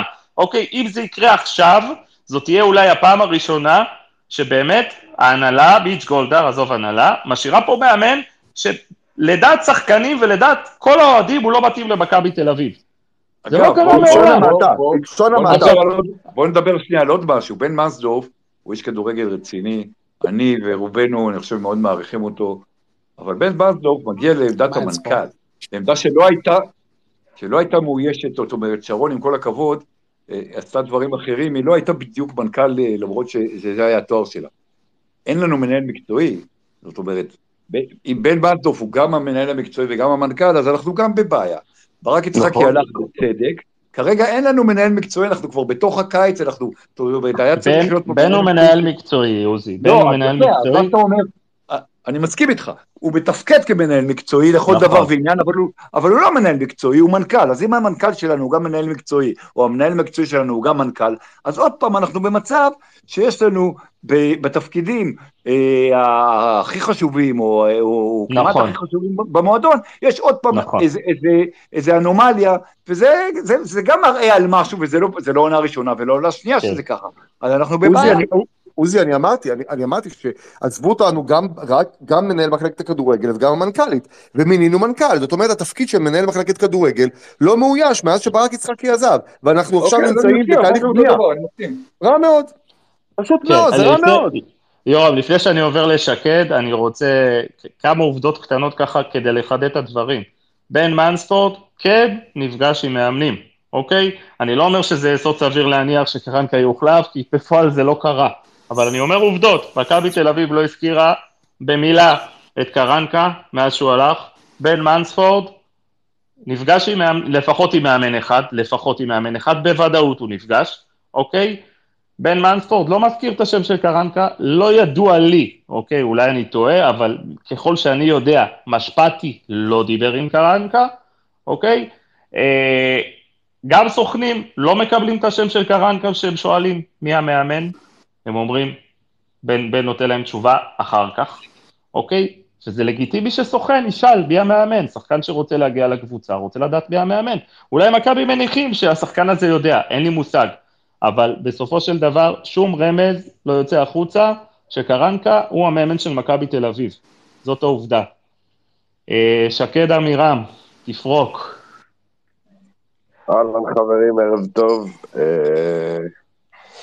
אה, הזכרתם פה הרבה נושאים אה, בהתנהלות הלקויה של מכבי במהלך השנים. אני חושב שיש משהו שבאופן ספציפי לא דיברנו עליו, וזה כמות הזמן שלוקח למכבי להוציא לפועל את מה שהיא רוצה להוציא לפועל. אה, וזה עניין מאוד משמעותי. אתם יודעים, אה, אנחנו כבר מדברים אחרי הארכת חוזה של תורג'מן, ואחרי הארכת חוזה של גולסה ושל דוד זאדה, אבל אם תשימו לב, כל הדברים האלה, מהרגע שהם פורסמו בתקשורת, אה, הם נמרחו כמו מסטיק, ובאמת זה היה כמו, כמו לידה, אוקיי? כל מהלך שהתבצע הקיץ הזה, באמת נמרח ונלעס אתה, אתה, יכול, אתה, אתה יכול לחדד כאילו מה, מה אתה מתכוון, שקד, אני לא הבנתי. שגולסה, שגולסה חתם ובפועל הודיעו אחרי שבועיים רק? בין היתר זה, אבל דווקא נניח תורג'מן, כל כך הרבה זמן הדבר הזה נמרח, אוקיי? ויותר מזה אני אגיד לך, הדבר הכי סימבולי, אוקיי, זה שרז אמיר מדווח יחד עם טוחמן בתקשורת, שסבורית הולך להאריך חוזה ויאזרחו. אוקיי? עכשיו, האזרוח הוא לא קשור בכלל להארכת חוזה. ועד עכשיו מכבי לא הוציאה על זה שום פוש ולא החתימה את סבורית על חוזה חדש. יותר מזה אני אגיד לך. מאיפה אתה יודע שהיא לא החתימה את סבורית על חוזה חדש, שקד? אז למה לא מודיעים על זה? הרי זה לא משהו שאני המצאתי גם גולסה העריך ולא הודיעו. אין לי מושג, אני סתם שואל שאלות כמוך. אז בסדר, מה שאני אומר, שבכל השלוש שנים האחרונות, אוקיי, מהרגע שבו מכבי רוצה לעשות איקס, עובר הרבה מאוד זמן עד שזה מתרחש. בין היתר, הדבר הכי גדול, צחוק בלי שאף אחד שם לב, שרן ייני עדיין לא האריך את החוזה שלו. ובוא, להאריך לשרן את החוזה, עם כל הכבוד העצום שמגיע לו, אוקיי? זה לא big deal. זה לא big deal, מצטער, אוקיי? ו... ו... וזה מדהים אותי. זה מדהים אותי כי, כי אתה יודע, אין לי בעיה עם הגישה הפסיבית כלפי התקשורת. מאיפה אתה יודע שזה לא big deal, שקד? אז תראה, אני אגיד לך משהו. אני מבחינתי מסכים עם זה שמכבי תחת מיץ' תישאר פסיבית כלפי התקשורת. אני משלים עם זה ואני חי עם זה, אתה יודע. אגב, uh, אגב, שקד, אין לנו בעיה עם זה, שלא... יש לא, את הדברים לא, לא, לא, הבסיסיים, לא, לא, לא אבל... הכל טוב, אני לא מנסה להוציא אף אחד, uh, אתה יודע, הגיוני שיש כאלה שרוצים שמכבי אה, תרמוז דרך, אה, דרך האתר הרשמי נניח, שהחניכים של קרנקה, אני יודע, סתם למשל, בשביל שאתה יודע, מהדלת האחורית נקבל איזשהו רמז, אוקיי? זה הגיוני, אוהדים רוצים לדעת. אגב, היום בגישה המודרנית של התנהלות של מועדונים הכי גדולים בעולם, כן? המועדון פי חמש יותר מתקשר עם האוהדים שלו מאשר שמכבי מתקשרת עם האוהדים שלה, אוקיי? אבל זה לא באמת מפריע לי. אוקיי? זה לא מה שמפריע לי. לי מפריע שאני מסתכל, אוקיי, שברגע שבהפועל באר שבע או במכבי חיפה חסר משהו, אז תוך שבוע אתה רואה תגובה. תוך שבוע אתה רואה תגובה. אתה רואה שעמרי גלאזר נמכר בהפועל באר שבע לבלגרד, תוך שבוע אופיר מרציאנו סיכם לשלוש שנים, אוקיי? אה, עומר אצילי נמכר, תוך שבוע ליאור רפאלוב חותם. לא יכול להיות שבמכבי משהו אחד, אוקיי, עולה צורך אחד, ואנחנו מגיבים אחרי חודש, חודש וחצי, חודשיים. אתה יודע, זה, זה, זה עוד התחיל, כל ההידרדרות הזאת של מכבי, מתי התחילה? מתי התחילה? כשאצילי ומיכאל עזבו, אוקיי? אני זוכר כמה זמן לקח עד שהכביכול מחליף של אחד מהם, דן. ביטון, קיבלנו אותו בהשאלה. אז אוקיי? מה אתה מייחס, את מה אתה מייחס לזה, שקד? הרי, הרי זה לא רק בן מנסטורפ, כאילו זה מוטיב חוזר פה, אז, ברור, אז, ברור אז, אז בוא תחדד את הדברים. מיץ', ברור שזה בסופו של דבר מיץ', אין ספק, אין ספק, ווואלה אני אגיד לך את האמת, זה, זה מה שמאכזב אותי, כן, כן, אני מאוכזב, אני כבר לא מתבייש להגיד את זה, אני אומר לך את האמת. פעם הייתי מתבייש לבוא ולהגיד שאני, אתה יודע, שיש לי איזשהו חשש ממיץ' או משהו, אבל אני אומר לך את האמת, אני מייחס לו כל כך הרבה כבוד, באמת, וגם כתבתי לפני שבוע, מבחינתי, מעמדו כאל יישאר תמיד כפי שהוא, אבל וואלה, מותר להיות גם מאוכזב. מותר להיות גם. מאוכזב. מו- מותר לי להיות מאוכזב כאוהד, שהמועדון שלנו מגיב כל כך לאט, והוא תמיד נשאר פסיבי, הוא לא תגובתי. לא יכול להיות שאנחנו עדיין לא נשארים אקטיביים, אוקיי? ואני אגיד לך משהו, כשבן היה פה בקדנציה הקודמת זה לא היה ככה. זה לא היה ככה, כי המועדון הגיב הרבה יותר מהר במהלכים שלו, אוקיי?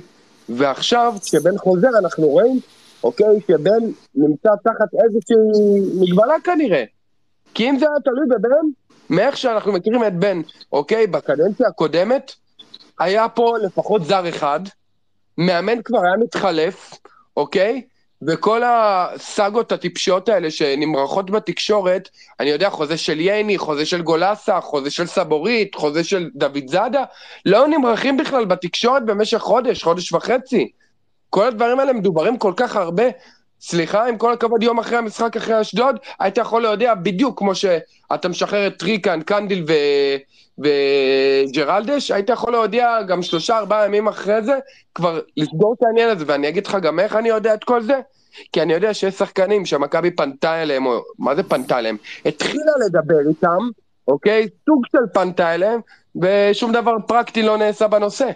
שום דבר פרקטי לא זז שם, אוקיי? כלומר, היה איזשהו דיבור. אז אה, דיברו עם הסוכן של ההוא, אוקיי? אז, אז בואנה, כאילו, מה?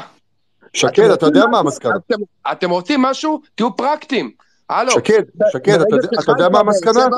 מה זה? אתה יודע מה המסקנה? אוקיי. המ- המסקנה, המסקנה מכל מה שאתה מתאר, זה שבמכבי תל אביב, נכון ל-15 ביוני 2023, עוד לא יודעים מי יאמן אותם בעונה הבאה. לא, ולכן אני הכל תקוע. דבר כזה, אני אגיד לך דבר כזה, אה, כל בן אדם בריא שרואה אה, כדורגל אירופאי יודע כמנכ"ל או מנהל מקצועי, sport, sport director, לרוב בונה את הסגל שלו הרבה פעמים בלי לשאול בכלל את המנג'ר שלו. מסכים. באמת.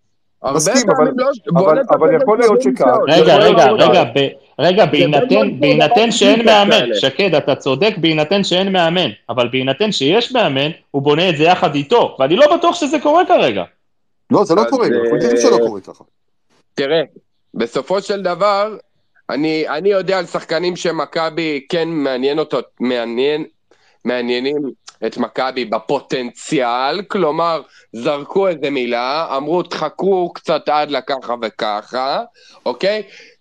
יש מצב שניצור איתכם קשר, אנחנו בעניין, אוקיי? אבל לא יכול להיות, אוקיי, שזה נמרח כל כך הרבה, אוקיי? יש פה, שקד, אתה יודע מה אני מניח? אתה יודע מה אני מניח? כאילו מבחינת ההיגיון, אם קרנקה יוחלף, אוקיי, וכל עוד אני רואה שיש כל הזמן הסתייגות מלהזכיר את קרנקה, אין לי ספק בכלל, עזוב, לגבי זה אין לי ספק בכלל שקרנקה יוחלף, כן? לדעתי אנחנו נמצאים בשלבים האלה של בדיוק סוגרים את כל הצוות המקצועי הרחב של המאמן הבא, ואז ועל זה עוד לא דיברנו, שקד. שקד? על זה עוד לא דיברנו, שאין צוות מקצועי, אין מאמן. כושר. אז אני בדעה, אני בדעה לחלוטין, מי שיקרא, מי שירצה שיקרא לי אובר אופטימי, נאיבי, מה שאתם רוצים. אני בדעה שכבר יש מחליף לקרנקה, והכל עכשיו, אה, מה שנקרא, נמצא לקראת הסוף, אוקיי? ויהיה מחליף לקרנקה, ואנחנו נקבל את הפושים המיוחלים בעמ- בעמדת המאמן. לי אין ספק לגבי זה, אוקיי? אני פשוט אומר דבר כזה, אתם כבר תופרים את כל המהלך של ההחלפה הזאת. אתם צריכים להתחיל, אוקיי? את כל הדבר הזה הרבה לפני, הרבה לפני. אתה נניח רוצה ישראלי כמו סבירו למשל, או לא יודע, וואטאבר, אה, אתה רוצה זוהר זסנו, לא שאני מחזיק ממנו ורוצה אותו במכבי, כן? היה ואתה רוצה את כל החבר'ה האלה. אתה צריך לתפור את הדברים האלה הרבה יותר מוקדם, אוקיי? אתה לא יכול להשאיר דברים כל כך הרבה זמן באוויר, אתה חייב לתפוס אותם, אוקיי? וכל הסחבת הנוראית הזאת, היא כאילו, היא כבר, אה, אתה יודע, ו- ואנחנו צריכים להתחיל לנעוץ את הדברים. שקד, אם- לא אם- קרנקה, שקד, אם קרנקה יוחלף, כל הפאזל הזה מסתדר. אין ספק. אבל כרגע זה קיץ הזוי, מוזר, באמת, בכל קנה מידה. אני לא זוכר קיץ כזה של מכבי תל אביב. משהו פה מסריח, משהו פה מוזר. רק הם באמת, לא יתחילו את העונה עם קרנקה מסיבה. רק באמת. רק באמת החלפה של קרנקה תפתור פה את כל התעלומה המשוגעת הזאת. עכשיו אני אה, רוצה גם לעבור לרז, ברשותך, אה, אה, רז אין לו הרבה גם זמן איתנו אולי, כי הוא גם לא בארץ, אז אני רוצה גם לשמוע את רז. רז, אהלן. שלום, מה נשמע? בסדר, אני נזכר ב- בספייס שלנו לפני שבועיים, שלושה, אני לא זוכר מתי, אחרי איזה יום, יומיים, אז מישהו כתב שהקול שלך מרגיע אותנו. אוקיי. אז בוא תרגיע אותנו, רז, אתה יכול? הצטרפתי בסוף של הדברים של שקד, אין לי מושג מה אמרתם לפני, אבל אה, מה אמרנו? קרנקה, קרנקה, קרנקה, קרנקה. הבנתי, לא, לא, לא יודעים אם היה כאילו איזה עדכון כלשהו או משהו בסגנון, אבל בגדול, קרנקה אמור להגיע לישראל ביום שני, זאת אומרת, אה, כרגע הדברים הם די ברורים לאיפה הם הולכים. אה, לא יכול להרגיע אתכם יותר מדי, אין לי אינדיקציה שאומרת משהו אחר. אה, ובהינתן בזה שהוא צריך להגיע בעוד אה, כמה ימים לישראל, ועד לרגע זה מכבי תל אביב לא עשתה שום אה, מהלך אה, אה, נגדו, מה שנקרא. אז אין פה כרגע הרבה אופציות, כן? אני חושב שהדברים הם כמו שהם אה, נראים. הדבר היחיד שאני לא מצליח להבין, ואני מניח שגם הקולגות שלי לא מצליחים להבין, זה מה מפריע למכבי תל אביב כמועדון לבוא ולהגיד, חבר'ה, תרדו מהנושא, זה המאמן, יש לו חוזה, הכל בראש שלכם, ותמשיכו הלאה. אה, את זה מכבי לא עושה. למה היא לא עושה, אני לא יודע. אני מזכיר שכן היה להם מאוד מאוד חשוב להוריד את השמועות על רן בן שמעון מהפרק. אבל את השמועות והבלגן שסביב המאמן שמחזיק בחוזה, הם כרגע לא עושים כלום בשביל אה, להשתיק. ולכן גם פה בהתנהלות דברים לא ברורים. אה, ומעבר לכל זה, אני אגיד, גם אם קרנקה ממשיך, וכרגע אין אינדיקציה שהוא לא ממשיך, גם אם קרנקה ממשיך, אז אוקיי, אז, אז הוא יגיע ביום שני-שלישי לישראל, אחרי כמה ימים יתחילו האימונים. מה קרה פה בינתיים? כאילו, בן מנספורד, מאז שהוא מונה, החתים את דור טרוזמן על חוזה חדש, אוקיי. משפטי החליף את טננבאום, זה אחד על אחד. מה קרה פה הקיץ? מה, מה עשו בינתיים? כרגע לא עשו כלום. ולכן זה הרבה דברים שהם מעבר לקרנקה. הקבוצה הזאת, כמו שהיא היום, לא מוכנה בשום, צר, בשום צורה לפתיחת העונה. עכשיו, נכון שיש את ההנחה המאוד משמעותית הזאת, שלפני אה, תחילת חודש יולי, שום דבר לא קורה.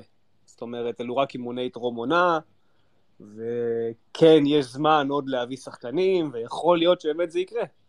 אבל נכון להיום, בנקודה שבה הספייס הזה נפתח, מכבי תל אביב היא אותה הקבוצה כמו העונה שעברה, עם שינויים קוסמטיים ומאוד מאוד לא מהותיים בשוליים של הסגל.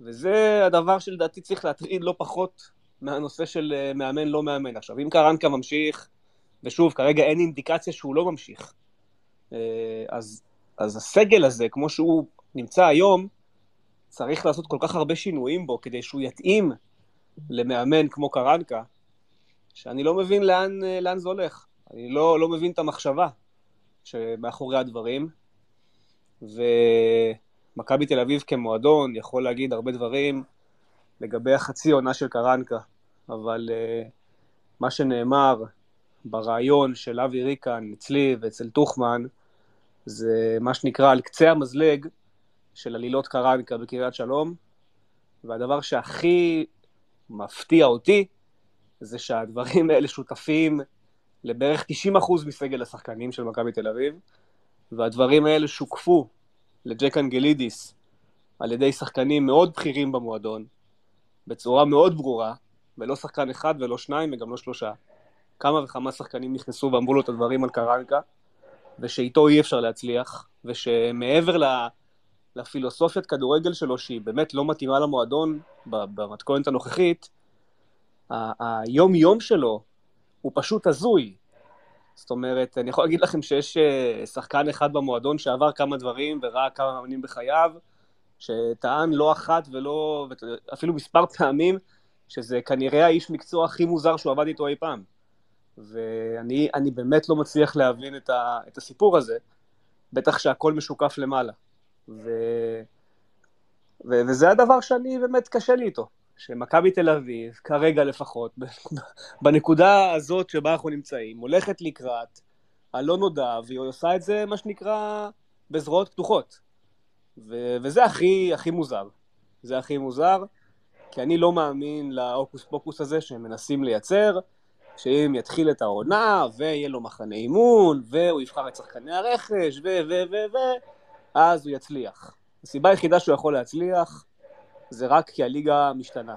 ויכול להיות שהליגה נמשכת יותר לכיוון של הרמה של מכבי תל אביב תחת קרנקה.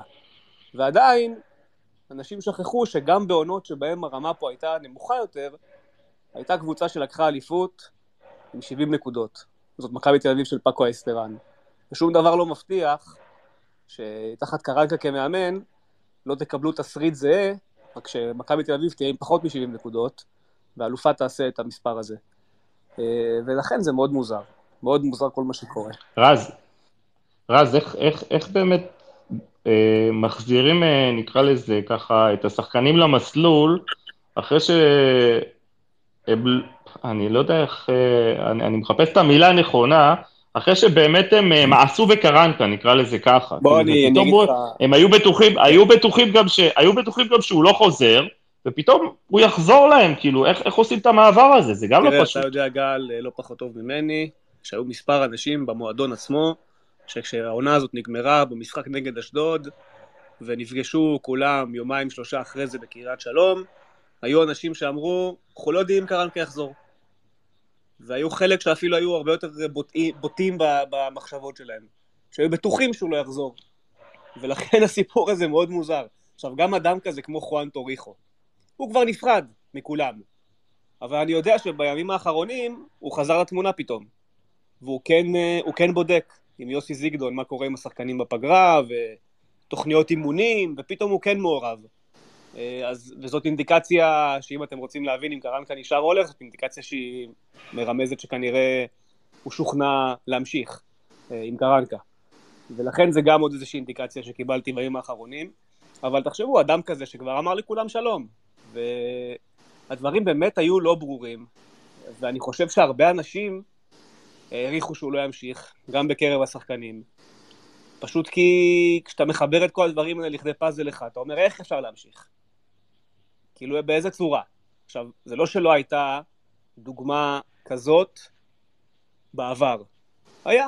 פטריק ואן לוון עשה גביע, סיים את העונה שלו עם ריצת אליפות, שנגמרה בלי האליפות, אבל הדברים שיצאו על פטריק ושוקפו למעלה, לכולם, היו מאוד דומים לדברים של קרנקה. אני חושב שאצל קרנקה זה אפילו יותר, יותר מוזר ואפילו יותר קיצוני, כי גם אצל קרנקה אין תוצאות. וגם הדרך שלו היא לא, היא לא דרך. ו... וללכת שוב לתסריט הזה, של לתת למאמן שאתה יודע שהמצב מולו הוא מלכתחילה נפיץ, ובואו, כמה שחקנים מכבי כבר החליפה, או תחליף בקיץ הזה. הקבוצה תישאר אותה קבוצה פחות או יותר. אז להגיד שזה מה שיעשה את ההבדל, העוד שניים, שלושה זרים האלה שמחליפים שניים, שלושה זרים, ועוד איזה שלושה, ארבעה מושאלים שיישארו בסגל, זה מה שיעשה את ההבדל? ממש לא. בסוף השלד ש, ש, שמשחק אמור להישאר בערך אותו שלד. ואני לא לא יודע איך הם יצליחו. אה, אני אומר לך את זה אמיתי, אני לא יודע איך הם יצליחו לקבל את המציאות הזאת של קרנקה. זה לא שיש להם ברירה, כן? הם מקבלים כסף בשביל לשחק כדורגל. אה, ודיברנו לא מעט בפודקאסט שלי ושל אורן במהלך העונה, מה כן אפשר לעשות שונה גם עם קרנקה. ואורן אמר לא מעט פעמים שאולי הדבר הכי נכון לעשות יהיה להחליף את הצוות המקצועי שיין קרנקה. זאת אומרת, להביא עוזרים יותר דומיננטיים, שיותר מבינים באימון כדורגל של קבוצה דומיננטית, ושמעתם את ריקן בפודקאסט, בהמשך לשאלה שלי על טוריחו, ואתם מבינים ש, שזה, באו לפה שני עוזרים של קרנקה שבאמת עשו את המינימום. טוריחו עשה הרבה יותר מהם והוא מאמן כושר. זאת אומרת, גם באספקט הזה של צוות מקצועי, אם אתה כבר משאיר את קרנקה ואתה רוצה איכשהו לחבר את השחקנים אפילו טיפה יותר לסיפור הזה, אז צריך לעשות, אז לפחות בצוות תעשה חילופים. תביא אנשי מקצוע טיפה יותר טובים ממה שבאו עכשיו עם קרנקה, ואני חושב שהוא יכול למצוא אנשי מקצוע יותר טובים, זה לא כזה מסובך. אז אולי בקטע הזה אפשר לשנות. בקטע של השחקנים, אני לפני יומיים קיבלתי הודעה מאחד החבר'ה בקריית שלום, שההודעה הייתה מאוד ברורה, שאם קרנקה נשאר, יש בערך 30-40 אחוז מהסגל שינסה לחפש לעצמו פתרונות, כי יש בעיות, יש בעיות, ולא כולם ירצו להישאר בסיטואציה הנוכחית, וזה, וזה בעיה, זה בעיה, והכי בעייתי זה שבמכבי תל אביב מודעים לזה, והולכים, יכול להיות לתוך ההרפתקה הזאת, ב, כמו, שאמרתי, בידיים פתוחות, מתוך איזושהי מחשבה שעונה חדשה, מחנה אימונים, אולי יצליחו לשנות את האווירה, אולי מנספורד הוא טיפה יהיה יותר שריף מאשר יצחקי, ואולי זה יחזיק את, הקבוצה יותר טוב. אולי באמת, כמו שאמרתי, שינויים בצוות מקצועי, תחת קרנקה יעשו טיפה שינוי, אולי איזה זר אחד שבאמת יהיה פה משהו מעל הליגה, ואז איכשהו הרבה שילוב של דברים כאלה יובילו אותך לעונה שהיא יותר טובה. אבל אה, לא ככה בונים מועדון כדורגל. זה, זה, זה, הדבר שהכי מטריד אותי, זה שונה לחלוטין ממכבי תל אביב של מנספורד ב-2018. זה ממש לא אותו הסיפור, ו... וזה, וזה חבל. רז, אה, בסופו של דבר, גם השחקנים בשיחות סגורות ואפילו בשיחות פתוחות, מדברים על רמת האימונים ומדברים באמת אפילו בצורה מזלזלת, כן? על הרמה המאוד מאוד נמוכה בוא באימונים. נגיד, האימונים ועל כיפים, אה, גל. תגיד זה ככה, אימונים כיפים. עושים משחקונים, קצת מצחיק, קצת נחמד, עושים תרגולים מול אפס, שזה אומר תרגולים לא מול יריב, שזה פחות אינטנסיבי. הירידה שלו לפרטים טקטיים היא ירידה מאוד דלה ונמוכה, וראיתם את זה לאורך המשחקים שלו העונה. אתה יודע, אז, אז, אז זאת הרמה. זאת הרמה, וזאת רמה מבאסת, כי אתה מצפה שבמכבי תל אביב הרמה תהיה הכי גבוהה. וכבר היית שם כמועדון. זאת אומרת, זה לא שלא היית שם, העונה היית שם, עם איביץ'. תגיד לי, רז, אתה שומע הירידה הזו אותי? היא באמת מוזרה, כן, אתה שומע אותי, רז? כן, שומע. יופי. מקודם שקד אבירם אמר דבר אה, נכון. הוא אמר העניין התגובה של אה, מכבי תל אביב לעומת מכבי חיפה, מכבי חיפה מאבדת שחקן, מביאה שחקן, ואז מכבי תל אביב איבדה שוער מחליף והביאה שוער מחליף.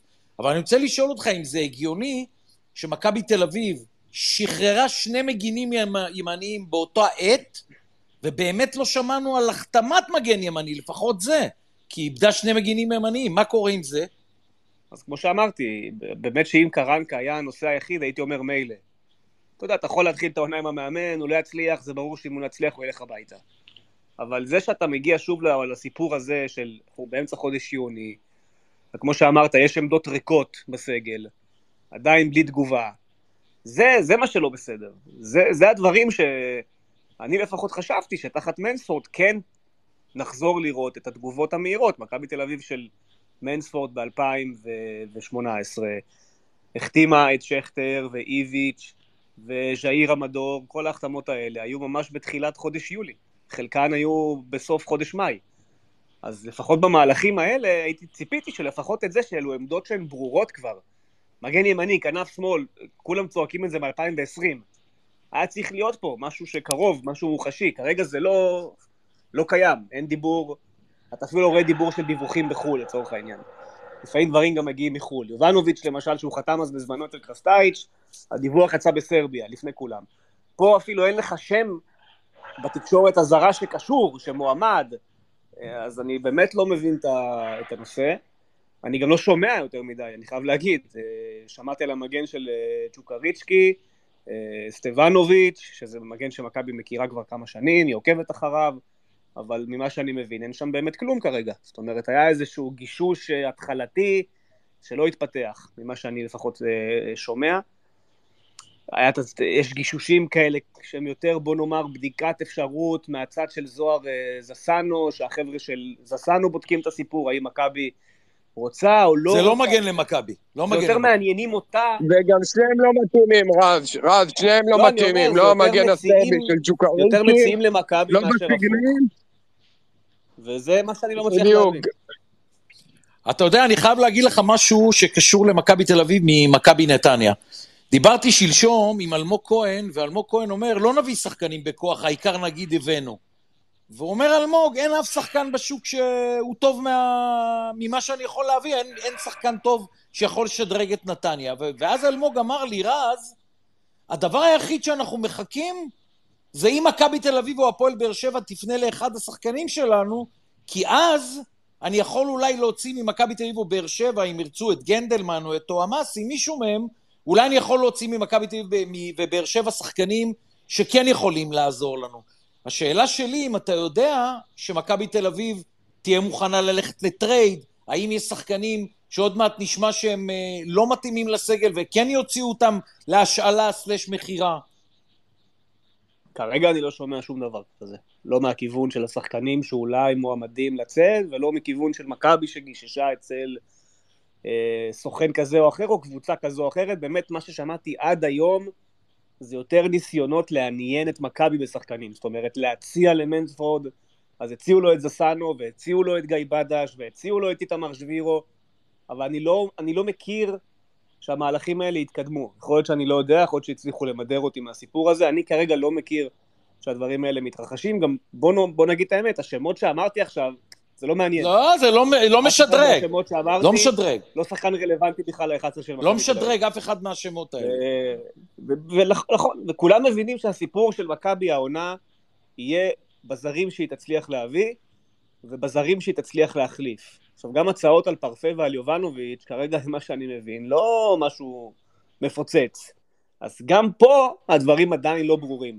ולכן אני אומר, בגלל שזה הסיפור, ואתה כנראה תצטרך לחכות עוד שבועיים, שלושה, אפילו ארבעה, בשביל להבין לאן הולך הסיפור הזה של פרפה ויובנוביץ' נמכרים או לא נמכרים. אני אגב, חושב, אני אגב בדעה של פרפה חייבים למכור, יובנוביץ' אפשר להתווכח על זה, אבל את פרפה הייתי מוכר בלי למצמץ בכלל.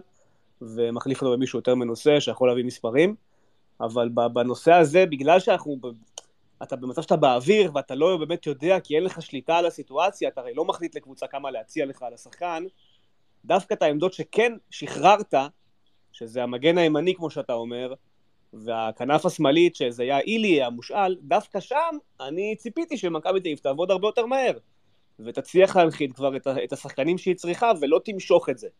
עכשיו אם נחזור לקרנקה, כשאני שאלתי את קרנקה בסוף העונה, האם מכבי תל אביב, בהנחה והוא ממשיך, יכולה להיבנות בצורה נכונה ומהירה, התשובה שלו הייתה מאוד, אה, מאוד התשובה שאף אחד לא רצה לשמוע. הוא אמר, אני דווקא חושב שדווקא כן חכם לשמור שתי עמדות של זרים לסוף, כי תמיד יש מציאות בסוף השוק. אז אנחנו שוב בעמדה שהיא לא, לא רצינית עבור מכבי תל אביב. אני, אני רק יכול לקוות שלא זאת הסיבה שכרגע לא הוחתמו שחקנים, כי אני חושב שאם מכבי תתחיל את העונה הזאת ואת המוקדמות באירופה עם הסגל הזה כמו שהוא היום, אז היא בבעיה מאוד קשה. למרות שהיא כביכול מדורגת. היא יכולה בקלות למצוא את עצמה כמו העונה שעברה, מקבלת יריבות כמו אריס וכמו זה, ואתה מסתבך. גם במוקדמות של הקונפרנס ליג, עם כל זה שאתה מדורג עד הסוף. ובאמת, אני אומר, קרנקה, לא קרנקה, אתם יודעים, בסוף הדברים יהיו מאוד ברורים בעוד כמה ימים, כי הוא אמור לנחות ביום שני. הסיפור הזה שגם בשחקנים מכבי לא התקדמה מילימטר, זה, זה גם צריך להיות uh, נקודה שהיא לא הכי... היא לא, היא, לא, היא לא טובה, זאת נקודה לא טובה. למה, למעשה שום שחקן פרט למשפטי שהוא שוער מחליף לא הוכתר, לא, לא, זה רק... זה היינו הך, טננבאום ומשפטי, מה, מה ההבדל? אני חושב שטננבאום, אגב, כשהוא בריא, הוא שוער הרבה יותר טוב ממשפטי, אם כבר. אבל הוא לא בריא. אז באמת שזה... אה, כן, שוב, נכון, זה גם עניין שהוא לא משחק, אתה יודע, שוער שני הוא לא משחק, קשה לו גם להבריא. לא, אשדוד, אה, אשדוד בדקו ואמרו לי שהם לא לקחו אותו בגלל שהוא לא בריא.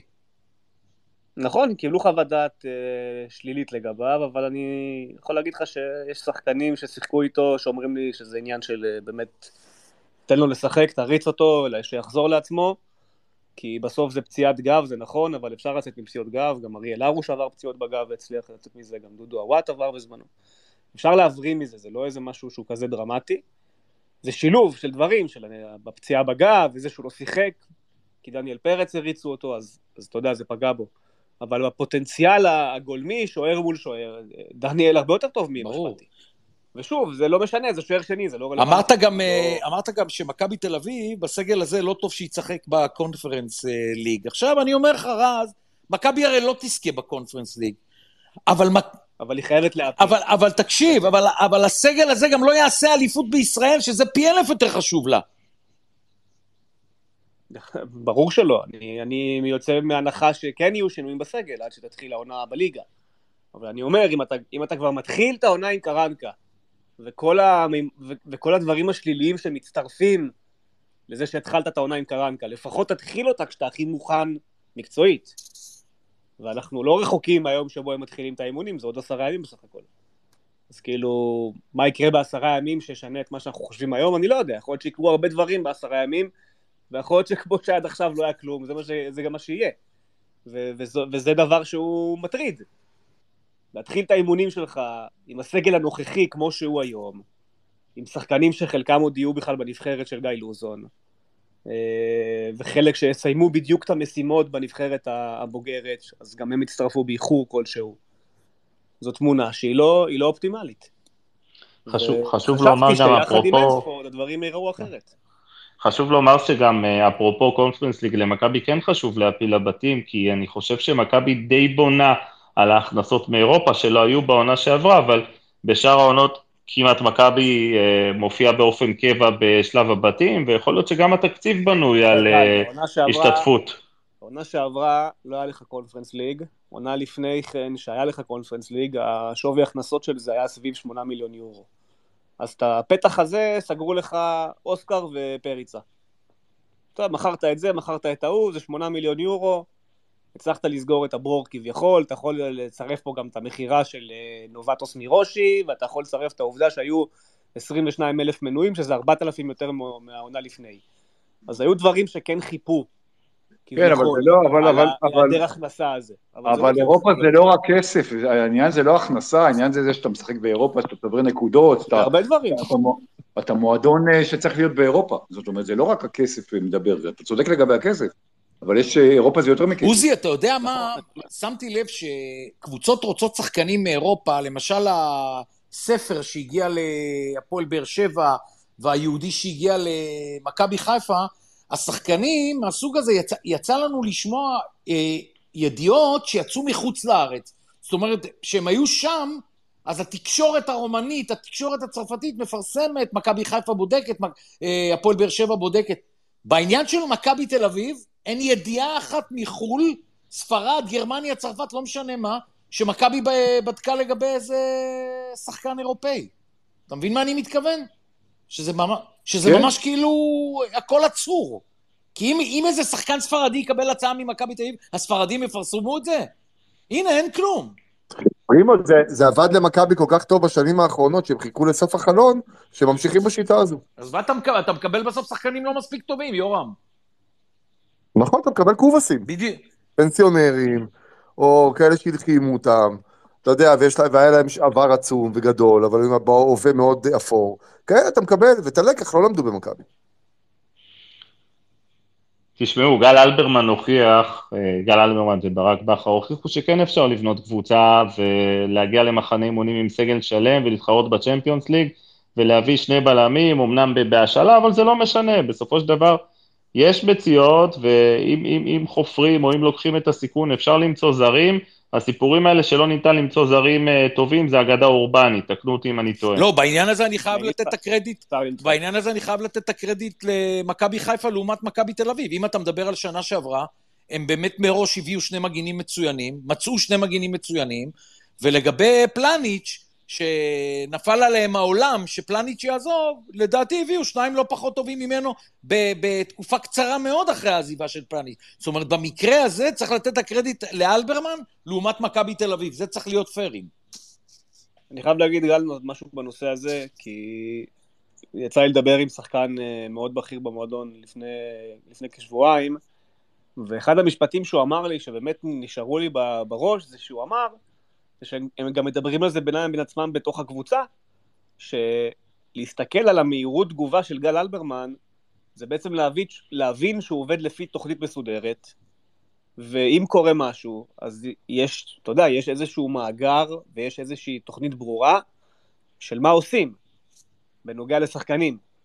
במכבי תל אביב של יצחקי, אנחנו מבינים שזה לא היה הסיפור, ובמכבי של מנספורד, לא יודע, אני עדיין לא יודע להגיד לך האם יש באמת את, ה, את העניין הזה של תוכנית עבודה מסודרת ושל אוקיי, עכשיו הלך ג'רלדש, אז מחרתיים נכנסים למשא ומתן עם 1, 2, 3 ו-4. אתה מבין? אני לא יודע להגיד לך... רגע, למכבי תל אביב, רז, אין מישהו בתפקיד של אה, יזהר קישון? יש למכבי תל אביב מערך של, אה, של סקאוטים ו- ואנליסטים, ו- וברור שיש שם אנשים, ויש את אה, רן אליאס, ולא חסר אה, חבר'ה שבאמת, אתה יודע, תפקידם לאתר ולעקוב אחרי שחקנים. להגיד לך שהם מנהלים משא ומתן ישירות מול סוכן, שזה מה שיזהר אני יודע שעושה, זה לא. אני לא חושב שזה קורה במכבי תל אביב. זה גם לא קרה במכבי תל אביב. הצורת עבודה היא טיפה שונה. אה, יש למכבי את המחלקה ויש למכבי את המאגרי שחקנים, אבל זה שיש לה מאגר שעוקבים אחריו, לבין זה שעכשיו יש, אתה יודע, הוראה להתחיל לשגר הצעות, יש פער. אתה יודע עוד איזה יש פער, אה, רז? בעיה. הפער שעכשיו מישהו שולח לי הודעה נכונה, שההבדל בין אלברמן למכבי תל אביב, שלאלברמן הבעלים אה, עם אוזן קשבת 24-7, מה שאנחנו לא יכולים להגיד על אה, מיץ'. אני לא יודע מה רמת האוזן הקשבת של מיץ', אני חושב שבמכבי תל אביב, את זה כולם צריכים להבין, מי שמנהל אותה 90% מהזמן זה אנגלידיס.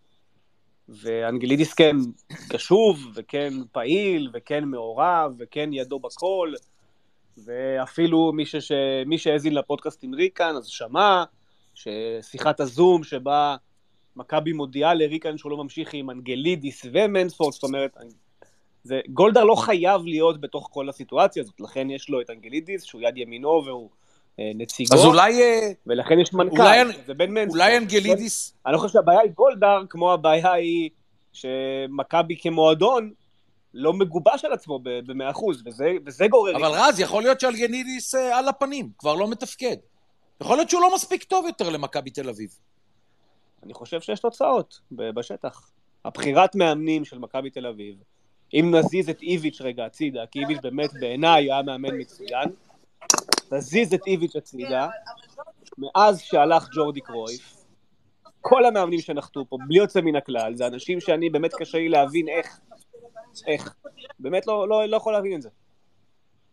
חוץ מאיביץ', שהוא באמת היה עילוי, והיכרות מוקדמת עם אנגלידיס, והוא ידע מי הבן אדם, וגם אה, אף אחד לא הכחיש בשום שלב שאיביץ' היה מינוי של ג'ק אנגלידיס, מינוי ישיר שלו. כל המאמנים, מאז שג'ורדי קרויף הלך, כולל בעונתו האחרונה של ג'ורדי כמנהל אה, מקצועי, שזה היה ארוולדזה, ואחרי זה וידיגל, אתה ברצף מאמנים זרים שהוא פשוט, אני לא מצליח להבין איך חלק גדול מהם בכלל עבר רעיון עבודה. כולל קרנקה, כולל דוניס, בטח וידיגל, לא מצליח להבין, לא מצליח להבין איך זה, איך זה קורה. וקרנקה זה השיא. קרנקה זה השיא בעיניי, כי... כי אתה יודע, מספיק לראות מה הוא עשה בשבע השנים האחרונות שלו כמאמן, ולקרוא כתבות עליו, ולקרוא דברים ששחקנים שהיו תחתיו אמרו, כדי להבין שזה לא... שאתה מקבל פה משהו שהוא מאוד מאוד מאוד בעייתי. אז אוקיי, הוא, יש לו שם, ויש לו מוניטין כשחקן, וברור שמכבי תל אביב, ואת זה ג'ורדי קרויף גם הנחיל פה מאוד יפה, צריכה לכוון לשמות הגדולים, שעשו משהו בכדורגל, שחוו משהו בכדורגל, הכל טוב ויפה. קרנקה, לכו תקראו מה קרה לו בנוטינגאם, ולכו תקראו מה קרה לו בבירמינגאם. זה שחקן ש, שקם והלך ממועדון בליגה השנייה באנגליה, כי חדר ההלבשה עשה אספה פנימית, ואמר מה אנחנו עושים עכשיו עם קרנקה, איך, איך ממשיכים לעבוד איתו. עכשיו זה כבר קרה לו ביותר ממועדון אחד, אז מה חשבו, שזה מה, שזה סתם, שזה מקרי? אני לא חושב שהם ידעו בכלל רז, אני לא חושב שמישהו שם עשה את השיעורי בית. קרנקה בכלל לא היה אמור להגיע לרעיון, הוא לא היה אמור להגיע לרעיון עם מיץ' גולדהר, עזוב לעבור את יפה, להגיע. אז בנושא הזה, אם, אז זה מה שאני אומר, אם באמת זה הסיפור, אז פרימו צודק במקרים האלה. אבל אני, חייב להגיד לך, גל, שאני לא בטוח שלא עשו שיעורי בית. אני חושב שהם פעלו תחת מסגרת זמן מאוד בעייתית, והם החליטו להתפטר. רגע, אתה באיזשהו אומר את מקום. הדברים? גם על קרסטייץ'? אתה גם חושב שהוא מאמן? אני אני חושב שאולי קרסטייץ' כן. כן היה צריך לקבל. צ'אנס. אני, עזוב, אני, מכבודו של קרסטייץ', כי אני באמת אוהב אותו כבן אדם, אני, אז אני רק אגיד שכן, אולי צריך לעבור. אה, רעיון עבודה בשום צורה. אה, אולי אני אספר ביום מן הימים אה, פרטים אחרים על הסיפור הזה של קרסטייץ', אבל עזבו, זה לא, זה לא רציני. הוא באמת לא, זה לא, זה לא רציני. אז אתה יודע מה רז, אם, אם, אם קרנקה עבר, הגיע לרעיון עבודה נגיד, ועבר את הרעיון עבודה, והתחיל לאמן, ועדיין לא, הוא לא ראו מוצא את עצמו. בבית, הם ראו, הם, הם ראו מהר מאוד שזה לא, שזה לא זה. לא צריך... ועדיין, כאילו. ועדיין הוא לא בבית, רז, עדיין הוא לא לא, בבית, זה נכון. שערורייה שאין לתאר נכון הדבר הזה. הוא עדיין לא בבית, כן. עכשיו אני רציתי רק להגיד משהו בנושא הזה של ה... אה, של קרנקה והרעיונות עבודה וכל הסיפור הזה, ואיך בוחרים אנשים, אני יכול להגיד לכם שלמכבי תל אביב, וגם, הוא היה מעמד העונה לחיפה גם, אותו בן אדם, מדובר בניקוליץ', הסרבי, שהוזכר כמועמד גם למכבי חיפה. אני יכול להגיד לכם שלפני שנתיים, הוא היה מועמד, אחד המובילים למכבי תל אביב. וכמו שאתה אומר, שיעורי בית, לא שיעורי בית, עשו עליו בדיקת רקע, וגילו שבאחד המ- המקומות הקודמים שלו, הוא הסתבך, כי הקליטו אותו באמירה אה, גזענית כלפי שחקן שחור בקבוצה שלו. ובאותו הרגע האיש הזה נמחק מרשימת המועמדים למכבי תל אביב. על תקרית אחת כזאת בודדה, תקרית שהיא גזענית ולא, ו- וכוערת. אמרו אוקיי, זה לא נוגעים. אוקיי, עכשיו, אז אני מניח שגם על קרנקה עשו את אותם שיעורי בית. אז אם עשיתם את אותם שיעורי בית, וראיתם את כל תקריות העבר, שהן גם לא כזה עבר, זה העכשוויות שלו, ורק לקרוא בגרנדה, לצורך העניין, איך מתייחסים אליו, הוא אימן שם העונה, איך מתייחסים אליו ואיזה שינוי המחליף שלו, שהוא לא גדול מאמני ספרד, פאקו לופז, אני מכיר אותו שבע שנים, הוא לא גדול המאמנים בספרד, אני אפילו לישראל לא מביא אותו, אוקיי? הוא לקח את גרנדה, הביא אותה למקום ראשון בליגה, עלו ליגה. עם קרנקה, הם היו ברצף נוראי בתחתית, במרכז טבלה ומטה. אז כאילו גם בנושא הזה, את הבדיקות המינימליות, ואתה יודע, הגיב אז בזמנו כשקרנקה מונה, אחד החבר'ה הישראלים שעובדים בלליגה, וחי בספרד ומכיר את קרנקה היטב. ואחת התגובות שלו, הוא גם. הוא מחק אותה, אבל אחת התגובות שלו ביום שהוא מונה, הייתה, הביאו את קובי רפואה הספרדי. עכשיו, אתה יודע, כל אחד שהיה עושה תחקיר מינימלי, היה מגיע לאותן מסקנות. ובגלל זה אני אומר, קרו הרבה דברים, פרימו אמר, אולי אנגלידיס כבר לא מספיק טוב. קרו מספיק דברים במשמרת של אנגלידיס, כדי שגולדהר יבין שבבחירת מאמנים כנראה שזה לא, שזה לא להיט. ו... וזה שקרנקה עדיין מאמן, אז זה בכלל, זה הרבה יותר קיצוני. אז למה המסקנה לא עוברת למאמן ישראלי? אני לא חושב ש... שמיץ' גולדהר ילך למצב של מאמן ישראלי בשנים הקרובות. הייתה לו את האפשרות להביא את בכר בזמנו, אני יודע שגם השם של בכר עלה על השולחן כשהיה אפשר להביא אותו. זה לא משהו שהוא חושב עליו. זה לא, ואני, ואני חייב להגיד שכל עוד המועדון גם נכשל תחת אנשי מקצוע ישראלים, זה לא יקרב אותו לעבר ההחלטה הזו בהמשך. זאת אומרת, הוא נתן פה את הקרדיט ליצחקי שנתיים שלמות, כמנהל מקצועי, המועדון נכשל. אני לא רואה אותו חוזר עכשיו שוב לכיוונים האלה של כן, אבל- ישראלי. אבל כן אתה ינסה- מסתכל על, ה, על הצד של המאמנים הישראלים שלא הצליחו במכבי, הוא צריך להסתכל על מאמן ישראלי שלקח לו שש אליפויות. ואז משם אולי יבוא המזור. רגע בכר לא לא. לא, שבא, לא שיבוא בכר, אני אומר, אם ישראלי לקח לך שש אליפויות, זאת אומרת, כן, אבל איזה ישראלי תביא למכבי תל אביב פרימו? היחיד שיכול היה לבוא בחשבון, בטוחים ביכולות היחיד האימון. שיכול היה לבוא בחשבון זה רן בן שמעון, ואתם קיבלתם את ההודעה שהוא לא יאמן, אני לא, לא יודע את הסיבה עד היום, אבל uh, אתה יודע בטח יותר טוב ממני, אבל uh, מה שנאמר לי על בן שמעון זה שהוא... הם חושבים שהוא מאמן טוב, שהוא בחור חיובי, אבל שזה לא, לא לשנה הזאת, לא רלוונטי לשנה הזאת. אה. לא אמרו שהוא לא יאמן לעולם, אמרו שלשנה הזאת הוא לא יהיה. אה, למה הם לא? אני חושב שוב שהם לא רוצים, הם לא, הם לא, הם לא בכיוון הזה.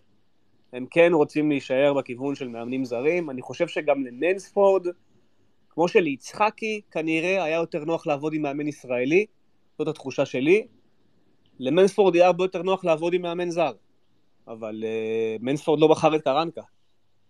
ואתם יודעים, זה, זה חלק מהסיפור, זה חלק מהבעיה. אז, אז, אז בואו ננסה לחבר עוד פעם את כל, ה, את כל הקווים, כאילו קרנקה יש לו עבר היסטורי לא טוב, קרנקה לא היה אמור להגיע לרעיון, קרנקה עבר את הרעיון, קרנקה נתן חצי עונה מחרידה במכבי תל אביב, השחקנים לא רוצים את קרנקה, כנראה שגם אולי בן מנספורד לא רוצה את קרנקה, יש כל מיני סיפורים כאלה ואחרים על קרנקה, תוצאות לא טובות, כל הדברים האלה, רז, אמורים לחבר אותנו למקום אחד, וזה לא קורה, כאילו משהו פה מוזר ברמה מחרידה אפילו. טוב, אני חייב להגיד, אתה יודע מה, אפשר לנקות את כל מה שאמרנו. לנקות שחקנים, לנקות חדר הלבשה, תעיפו את הכל הצידה. בכדורגל זה פשוט היה קטסטרופה. זה פשוט רק על זה. זה, זה גם הקו היחיד שהיה צריך להנחות, וצריך להנחות את מכבי תל אביב, לנצח. מקצועית על הדשא, מה אתם רואים?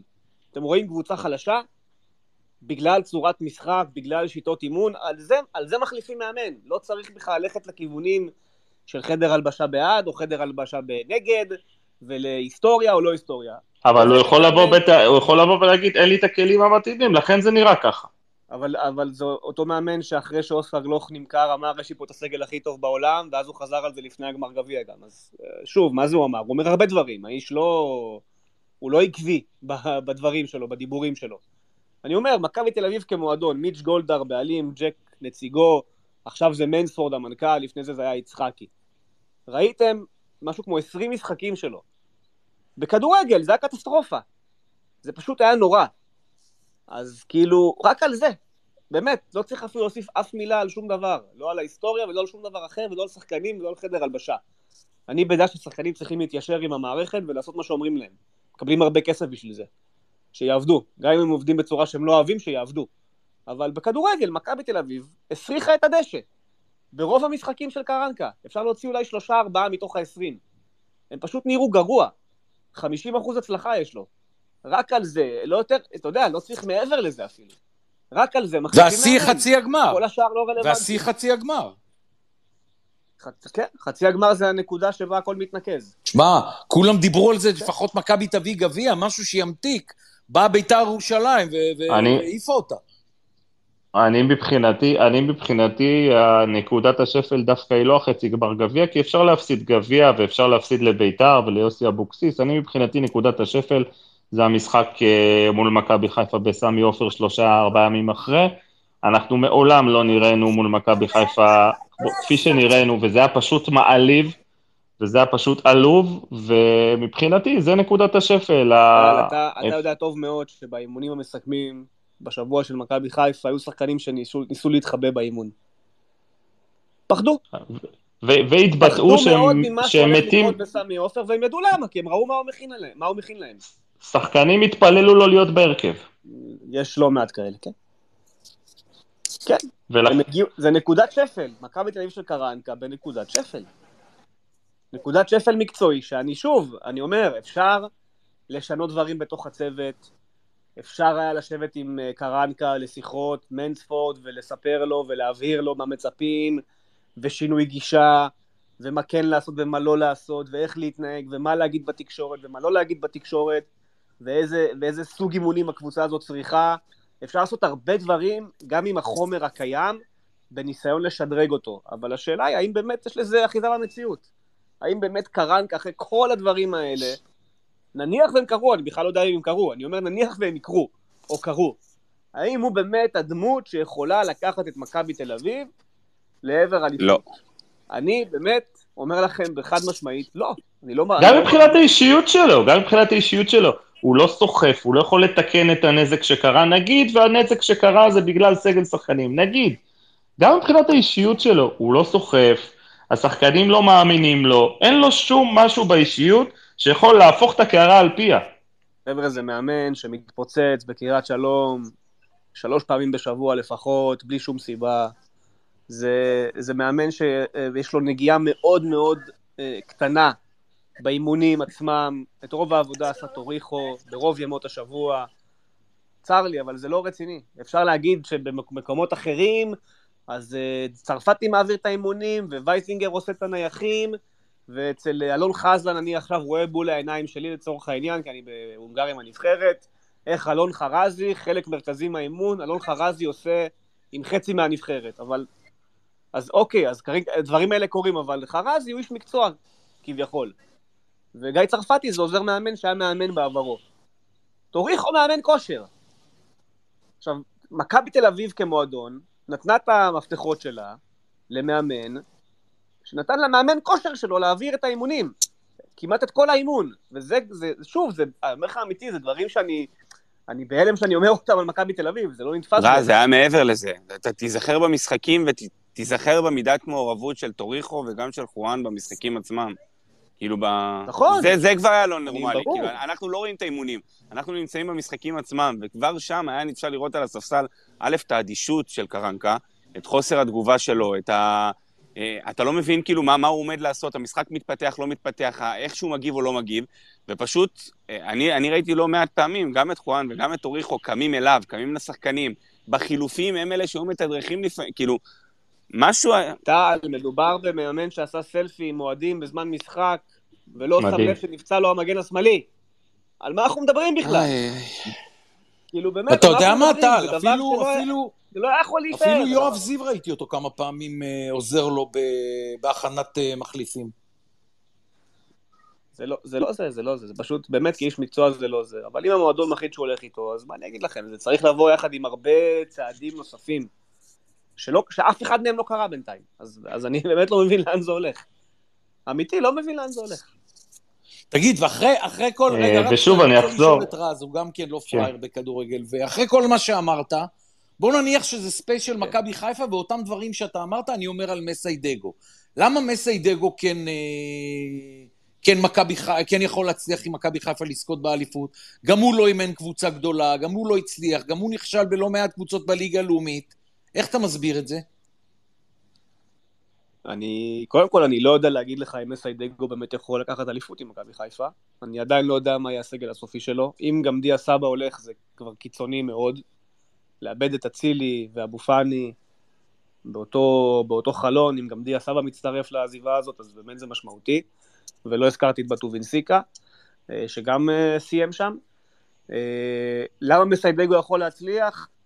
אה, שתי סיבות. אחת, זה כי גם היום, בנקודת זמן הנוכחית, הסגל שלו, בוא נאמר שהסגלים יחסית מאוד דומים אחד לשני, של מכבי חיפה טיפה יותר מאוזן, לפחות בעמדות.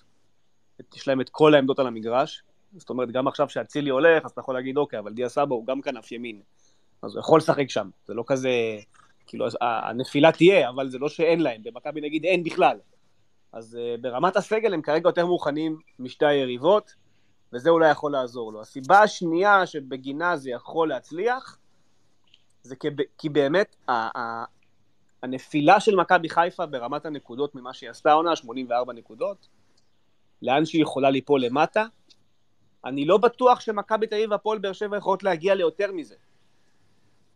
זאת אומרת, שלוש הקבוצות הגדולות עכשיו, נכון להיום, הן קבוצות מאוד בעייתיות במבנה שלהן. אבל מכבי חיפה היא טיפה יותר מאוזנת, טיפה יותר מנוסה, יש את האווירה המטורפת שם סביב המשחקים שלה בסמי עופר, שזה גם מאוד עוזר ודוחף, והנתון שלהם העונה בסמי עופר הוא פסיכי. והם מתחילים את העונה המוקדם, הם כבר התחילו אותה למעשה, התחילו להתאמן כבר. זה מרגיש לי שהם פשוט יותר מוכנים, ורק על, ה- על המוכנות הזאת, בתוספת סמי עופר והדחיפה שהוא מספק, וכמובן שהאווירה סביב הקבוצה היא אווירה חיובית, זה נותן לה שם עוד איזה 2-3 נקודות על פני היריבות רז. אל תשכח גם שהם שחררו את באטו בנסיקה כדי להביא שחקן כנף ברמה מאוד גבוהה, סביר להניח. אז אה, עכשיו אומרים שלא יהיה כאן, אה. עכשיו אומרים שזה, כאילו, אני קורא שזה יהיה קצר אחורי. בסדר. אה, יש להם את דין דוד, יש להם את חזיזה, יש להם עכשיו את יש רפאלו. להם חזיזה, יש, יש לו גם את האפשרות, שוב, אני חייב להגיד שמסיידגו, לא דיברו על זה יותר מדי, אף אחד לא התעסק הנוער, כל כך כאילו. באיך שמסיידגו משחק. אה, אוקיי. 5-4-1, 5-3-2, זה מה שהוא עשה בנוער. אז uh, יכול להיות שלא צריכים בעצם שחקן כנף. אם הוא מתכוון להעביר אותם ל-5-3-2, לא צריכים שחקן בעמדה של אצילי. אבל אז באיזה בלמים הוא ישתמש? יש לו, יביאו את בלטקסה, אה, כמו שהדברים אוקיי. אה, נראים. אה, יש לו שון גולדברג, יש לו את עבדולאי סק, יש לו את סונגרן שיכול להיות בלם ימני במקרה כזה. הבנתי. ואז יש לו לקו ימין גם חזיזה, גם קנדיל. בשמאל יש לו גם את אה, קורנו וגם את... אה, קיצר, הם אה, עובדים. כי- יש לו, יש לו מה לעשות, בוא נאמר, השינוי שם הוא, הוא קורה, יש שם נפילה, אין ספק, תהיה נפילה. אבל הם הביאו תחליפים שאנחנו נראה בהמשך האם הם תחליפים מספיק טובים או לא. אבל הם כן עשו איזושהי עבודה, הם כן יותר מוכנים לכמה שיטות משחק, אין לי מושג איך מסיידגו מאמן, לא מכיר, לא שמעתי, אני יודע שהוא חבר של הרבה מאוד שחקנים אה, בגיל שלו פחות או יותר, שחלקם עוד פעילים, חלקם כבר לא. כולם מדברים על איש מאוד נעים ומאוד אה, מאוד מקצועי, אין לי מושג מה, מה הרמה שלו כמאמן ואיך הוא מחזיק חדר הלבשה, זה גם איזושהי חידה. שצריך לראות תוך כדי העונה. אבל מכבי חיפה ברמת המועדון כרגע יותר מוכנה, גם מבאר שבע וגם ממכבי תל אביב. בואנה, באר שבע איבדה את עמרי גלאזר. עם כל הכבוד לאופיר מרסיאנו. לא, זה מה אותה פתאום. הם- לא, עמרי גלאזר היה ענק. במקום, במקום הכי חשוב על המגרש, הפועל באר שבע נחלשה. הכי חשוב על המגרש. הבלמים שלהם אה, הולכים ומזדקנים ונפצעים ולא הביאו תחליפים. לא, אבל אה, מדי רז, שם, אנחנו- עזוב. שם סיפור ב... אנחנו יכולים כאילו לבוא ולהדיר את עמרי, והוא באמת נתן שנתיים גדולות, והוא החזיר את עצמו באמת ל- לרמת ציפיות שציפו ממנו עוד שהוא היה בגילאי נוער. אבל אה, עמרי לפני שנתיים, אתה יודע, פסלו ומחקו אותו כמעט מכל מקום, ואמרו שזה עניין זמני עד שהוא יהיה שוער בינוני ומטה. זאת אומרת, זה היה, היה די אבל- מפתיע מה שקרה בבאר שבע, בואו, כאילו היה לו... כן, אבל הוא קם, הוא קם והיה חד מצוין. משמעית. ואופיר שמע, מרסיאנו אם ברק בכר לוקח אותו לליגת אלופות כשוער ראשון, תשמע, אני מסיר את הכובע. אז הוא שוער גדול. אני באמת... לא. באמת, כן. בלי שום קשר, בבאר שבע יש הרבה בעיות בסגל בישול, גם, גם הם פאון ושאפי, ו- ו- זאת אומרת, שחקנים הלכו, וראינו שהחלוצים שהם הביאו בקיץ אה, וב- ובינואר זה לא זה, זאת אומרת, מכבי חיפה הרבה יותר אה, שלמה, כן, היא איבדה עוגנים מאוד משמעותיים, כן, יהיה מאוד קשה למצוא שחקן של 30 גולים, כמו עומר אצילי, אבל לא בטוח שבליגה הזאת... יש לי. שאלה יותר מעניינת פה, כי ברק בכר בכוכב הלך על עמרי גלאזר, אבל כאילו, אני מסתכל על שוער שגם המבנה הפיזי שלו יותר טוב, וגם הפוטנציאל, או נקרא לזה תקרת הזכוכית שלו, הרבה, אמורה להיות יותר גרועה משל עמרי גלאזר. למה ברק, לא, כן. זהו, למה ברק לא עשה מהלך על דניאל? אם יש כסף. אני חושב שהחצי חצי שנה האחרונה הייתה מאוד קשה עבור דניאל פרץ, וראינו. את זה. זה דבר ראשון. דבר שני, עמרי גלאזר, אני לא יודע, פרימו אולי יודע את המחיר המדויק, אני מבין שזה קצת מעל מיליון יורו דמי העברה. אה, או דניאל פרץ, מכבי דחו, דחו הצעה של 2.5 מיליון, אז אנחנו לא באותם מספרים בכלל. הבנתי. גלאזר, אה, לדעתי, כרגע יותר בשל לקבוצה כמו... יותר בשל גם לליגת האלופות. יותר מוכן, יותר בוגר, עבר כן. יותר דברים. דניאל פרץ הוא עדיין פרי זה- שמעצבים אותו תוך כדי, וזה שמכבי מחליפה לו מאמן שוערים כל ארבעה בדיוק. חודשים, זה פה גומר אותו. הבלאגן הגדול, ו- ואני, כאילו, אני מניח שגם אתם תסכימו שברגע שאתה שמת את האנשי מקצוע הנכונים ליד דניאל, אתה מרוויח שוער אה, שהרבה שנים לא ראינו פה, לפחות ברמה הישראלית. עכשיו, אני, אני, אני הזכרתי את זה בפודקאסט עם ריקן, אה, העוזר של איביץ', אה, מילוש וסלנוביץ', והמאמן שוערים שלו, קלפקיס, אלו שני אנשי מקצוע באמת. חריגים באיכות שלהם, וראית את זה על דניאל פרץ, וראית את זה על דניאל טננבאום אה, בזמנו, וראו את זה בצורה קיצונית ביחס לאיך שהם נראו אחרי שהלך טלפקיס, ואחרי שהלך וסלנוביץ'. אלו באמת שני אנשים שיורדים לפרטים הכי קטנים שיש, התוכניות אימון שלהם מאוד מתקדמות, אני חושב שמכבי תל אביב של החצי עונה של איביץ', היא פשוט... גם אה, רייקוביץ', העונה האחרונה שלו מדהימה. אני רוצה להגיד שעל העונה הזו, מכבי של איביץ', היא פשוט פספסה בענק בשני משחקים נגד חיפה ובאר שבע, אבל היא הייתה יותר טובה. היא הייתה יותר טובה ממכבי חיפה ומהפועל באר שבע ברמת הכדורגל, או ברמת ה... לאיפה שזה יכול להגיע ברמת הכדורגל. גם ברמת המספרים, רז, אתה יודע, שישה שערי כן, חובה. איביץ', איביץ' פישל בענק במשחק בסמי עופר. המשחק מול באר שבע נגמר באדום המאוד מוקדם של דן גלאזר, יכול להיות שזה היה נגמר אחרת. האדום של גלאזר שם אה, הרג את המשחק.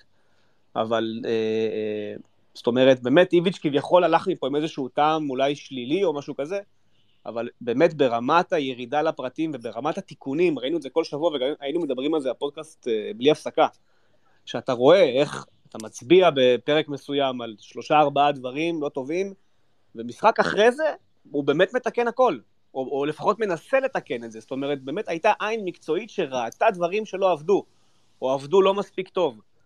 ו... זה נעלם אדיר אבל. לא הקטע. של איביץ' השנה, ושוב, אני לא קונה את ה... לא את הכסף ולא את הקידום לרוסיה. העניין של העזיבה של איביץ', איך זה נעשה ומה הסיבה האמיתית, נקרא לזה ככה, זה נעלם אדיר מבחינתי. זה סימן שאלה הכי גדול. גם אבי ריקן, אגב, אגב, גם אבי ריקן בפודקאסט אה, נתן לנו להבין שלא בטוח שאיביץ' עזב בשביל כסף. אני, אני בטוח בזה שהוא לא עזב, לא בשביל כסף ולא בשביל קידום מקצועי. זה מה שמוכרים לנו. זה מה שמציירים לנו, אבל לדעתי יש פה סיבה הרבה יותר מהותית, ויכול להיות שהסיבה תראה, הזאת... תראה, טל, דה- פקטו בסוף היה כסף, זה כסף. בסוף זה, בסוף דה פקטו יש כסף, אבל אנחנו מדברים על הסיבה. אבל יש כאילו, משהו, זה ש... לא- יש לא משהו. ש... שגרם לחפש או לשלוח סוכנים או לקבל או לא משנה איך זה נעשה. משהו פה לא עבר, לי לפחות, לא עובר כמו שצריך, ואני מניח שחלק מזה, זה מה שמשפיע על כל המצב של מכבי כיום, אם אני מחבר את הכל ביחד. תראה, איביץ', איביץ' גם עשה הרבה טעויות, טל, והסיפור עם סטיפה פריצה, זה אולי הטעות הכי עם גדולה אחיו שלו. כאילו? כן. אה, זה שבעצם אח של איביץ' פנה לסטיפה פריצה בסביבות תחילת חודש יולי, וכשעוד היו אופטימיים לגבי ערן, לפני שערן התחיל להרגיש כאבים, אולי זה אפילו היה טיפה לפני, טיפה לפני חודש יולי, אה, וככה אה, רמז לו שאולי עדיף לך למצוא קבוצה, זה עשה נזק מאוד גדול, כי כשהוא רצה שפריצה יישאר זה כבר היה מאוחר מדי. הרכבת הזאת נסעה, כמו שאומרים, ואני חושב שהטעות הכי קשה שוולאדה נסע, זה ללכת אחרי הקונספט הזה של שני חלוצים, ולא לפתוח את הקבוצה לעוד תוכנית. אתה יודע, כן. רז, הוא יכל לשנות את זה בינואר. סורי, משה, אני רק אומר, הוא יכל לשנות את זה הוא בינואר. רצה, הוא רצה, זה כל הקטע. הם עבדו, אני יכול להגיד לך מסוכני שחקנים שהיו בקשר ישיר מול מכבי ומול איביץ'. הם חיפשו כנף שמאלי שמשחק לעומק, מהיר, התקפי. הם חיפשו מגן ימני שיודע להחזיק את הקו, כמו אלידסה שכזה. הכל היה מוכן כביכול לקראת המעבר של מכבי. תל אביב. הזוי, הזוי. הזוי.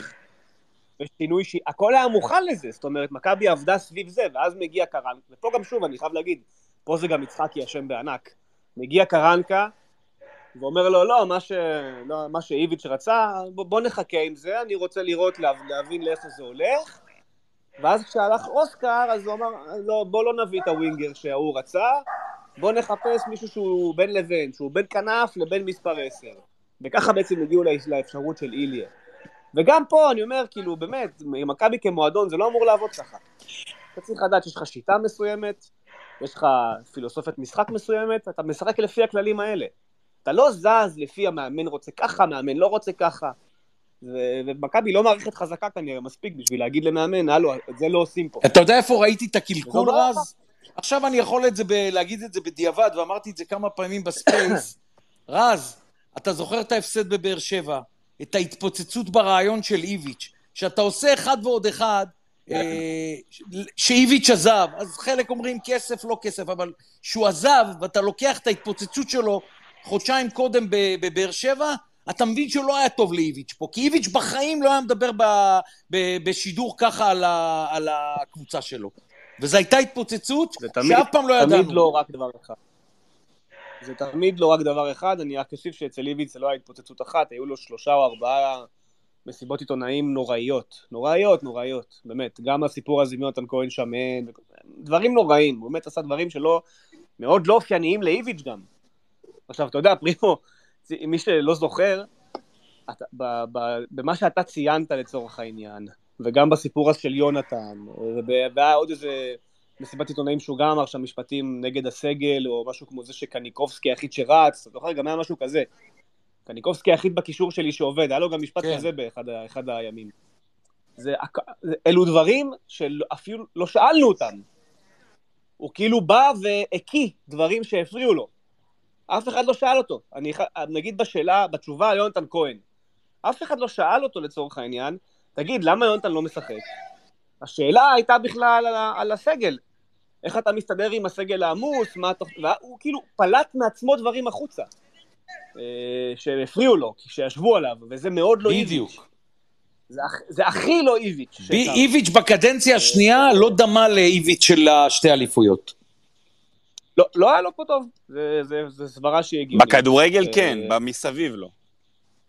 בכדורגל, כן, בכדורגל אני חושב ששוב, אני שמעתי גם דברים מתוך מכבי תל אביב, שהוא היה מאוד, ב... שהם, שהם זוכרים אותו, זאת אומרת, מגיע מאוד, אה, אה, אני אגיד מוטרד או לחוץ, אחרי המשחקים של חיפה מול יובנטוס ופריס סן ג'רמן. זה מאוד, מאוד ישב לו. שהוא ראה אותם ככה, משחקים, זה מאוד הטריד אותו. כאילו, מתארים לי בן אדם שהגיע לקריית שלום בבוקר אחרי שהם שיחקו נגד פריס סן ג'רמן, ואמרתם, אתם ראיתם את זה? אתם ראיתם מה הם עשו? אתם ראיתם איך, איך הם שיחקו? ראיתם איך הם עמדו עד אה, דקה 70? כאילו, זה מאוד, אה, מאוד שיבש אותו. וזה, שוב, זה לא אופייני לאיביץ' יש שהכרנו. מצב, ויכול להיות שזה... לא, רז, אני אומר, יש מצב שהדחה מאירופה, פעם שלישית ברציפות, כאילו, שלא תחת מאמן, בתור מאמן מכבי, בין אם זה מזל או לא, בהגרלה גם הפעם, אה, זה גם משהו שיכול להשפיע עליו ולתת לו... כאפה רצינית נקרא לזה? כי אני מניח שבתכנון, עצם זה שהוא ראה שמכבי מדורגת, שמע, והקבוצה טל, שבנו פה והכל- ההדחה- ההדחה בצרפת היא גם הרבה עליו. הוא לא הוא לא לא, לא. אני מסכים. משה, אני מסכים, הניהול- הניהול וה- והתגובות שלו במשחק בצרפת היו על הפנים. מה זה, אין הוא- לעשות. היו הרבה דברים, ועדיין, למרות הכל, תחזיר את השחקנים אחורה, תגיד להם מי המאמן הכי טוב על משמעית. שלום שהם קחו, התשובה תהיה, יהיה קונצנזוס. אולי אחד או שניים יגידו לך דברים אחרים. אבל וזאת, התשובה. וזו, וזאת התשובה לנושא השחקנים, שיש מאמן טוב, שחקנים יודעים להעריך ולפרגן, וכשיש מאמן לא טוב, אז צריך להעריך את השחקנים שבאים ומרימים דגל ואומרים, תשמעו, עם המאמן הזה אנחנו לא לא יכולים להגיע לשום מקום, זה לא מגיע ממקום של עצלנות, להפך, שחקנים אני- אומרים, תשמעו, אימונים שכונה, אנחנו רוצים להתאמן יותר חזק, אבל זה לא קורה. אנחנו דווקא צריכים להעריך את זה, לא? אני אגיד לך, גז, שיש דבר שהוא... אחד הדברים שהכי מצחיקים אותי בימים האחרונים זה ונוברים.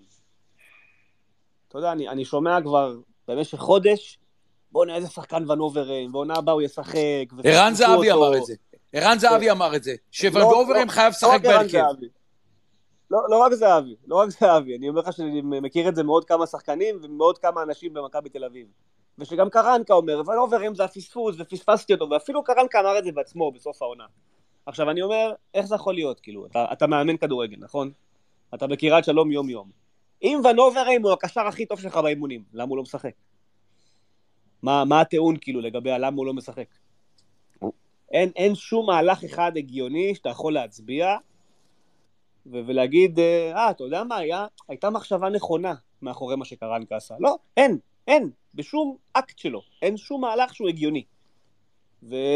וזה זה מטורף בעיניי. משהו עם, משהו עם מטורף. יוריס, לא התחבר שם נכון. אני כאילו לא יודע להצביע על הנקודה הזאת, אבל לא יכול להיות ששחקן מגיע מליגה ראשונה בהולנד, מקבוצה כמו ויטסה, שהיא היא לא פס ולא פיינורד ולא אייקס, אבל היא קבוצה דומיננטית בליגה הזאת.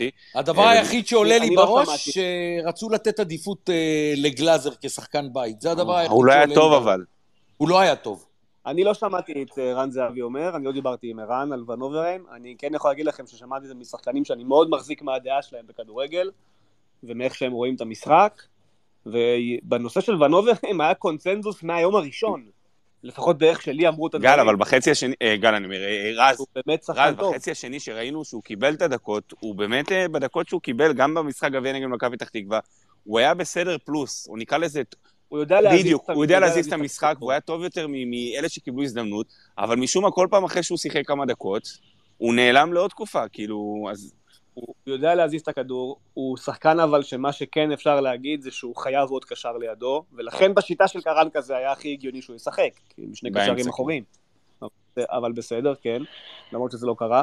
אבל הוא יודע, הוא יודע לטפל בכדור, הוא יודע להזיז, הוא יודע למסור טוב, הוא מבין את המשחק. אני חושב שאם הוא היה מקבל רצף של משחקים, אז הוא גם היה באמת אה, כמו שצריך, כמו שאתה אומר, הוא לא קיבל אפילו רצף של כמה דקות, אז אה, בטח שלא משחקים.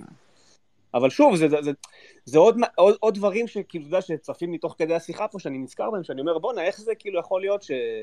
כשמגיע עכשיו שיחת חתך לסיכום העונה, אוקיי? ונגיד אומרים לקרנקה, מה יהיה בעונה הבאה? ונגיד קרנקה אומר להם, בנובר הם משחק הרבה יותר. למה, למה לא עולה השאלה של רגע, איך? כאילו, על סמך מה אתה אומר? כן, הוא היה לך. ואם אתה חושב הוא היה ככה, לך. ואם אתה חושב ככה, אז איפה זה היה עד נכון. עכשיו? כאילו, זה דברים שמנהל מקצועי נורמלי, או, מנ- או מנכ"ל, זה הדבר הראשון שהוא חייב לשאול, אני די בטוח שזה לא קרה בשיחות עם קרנקה. וזה, שוב, זה דברים מאוד מוזרים. התנהלות שהיא מאוד מוזרה. כל הדברים הם מאוד מוזרים, אני אשאל ש- אני אשאל שאלה אחרת, אולי גם לבן מנספורד, אולי קל אה, לקבל את קרנקה ככה שבמידה ו- ומכבי תל אביב תיכשל, או קרנקה ייכשל, אז אה, בן מנספורד הכישלון לא יהיה עליו, כאילו, בסופו ש- של דבר יבוא ויגיד. אני לא יודע רציתי את קרנקה, אתם הנחתתם אותי, אה, אה, אותו עליי. תראה, מה שאני לא יודע להגיד, ו- וזה נעלם שהוא מרכזי, אין לי מידע בנושא, ולכן אני לא רוצה להגיד את זה כי מתוך ידיעה, אני אומר את זה מתוך תחושה. יכול להיות שמנספורד הונחת לתוך מצב שאמרו לו, זה המאמן, ואין דיון בכלל. זה המאמן. אם נגיד לך להחליף מאמן, תחליף מאמן. אם נגיד לך להיפגש עם מועמדים, תיפגש עם מועמדים. אבל זה לא בן, רז, לא ככה אנחנו מחליט מכירים את בן. כרגע. מה זה? ככה, אנחנו לא מכירים ככה את בן, כאילו שהוא יבוא למכבי תל אביב כושלת, ויגידו לו, זה המאמן, לא תתמודד. להפך, אתה מכיר את בן ככה בדיוק. כי. בן הגיע לג'ורדי, כי בן הגיע. לג'ורדי כעובדה. שוכחים שמדפורד כבר. הוא נכון. וגם את המאמן. הקודם הוא לא בחר, בדיוק.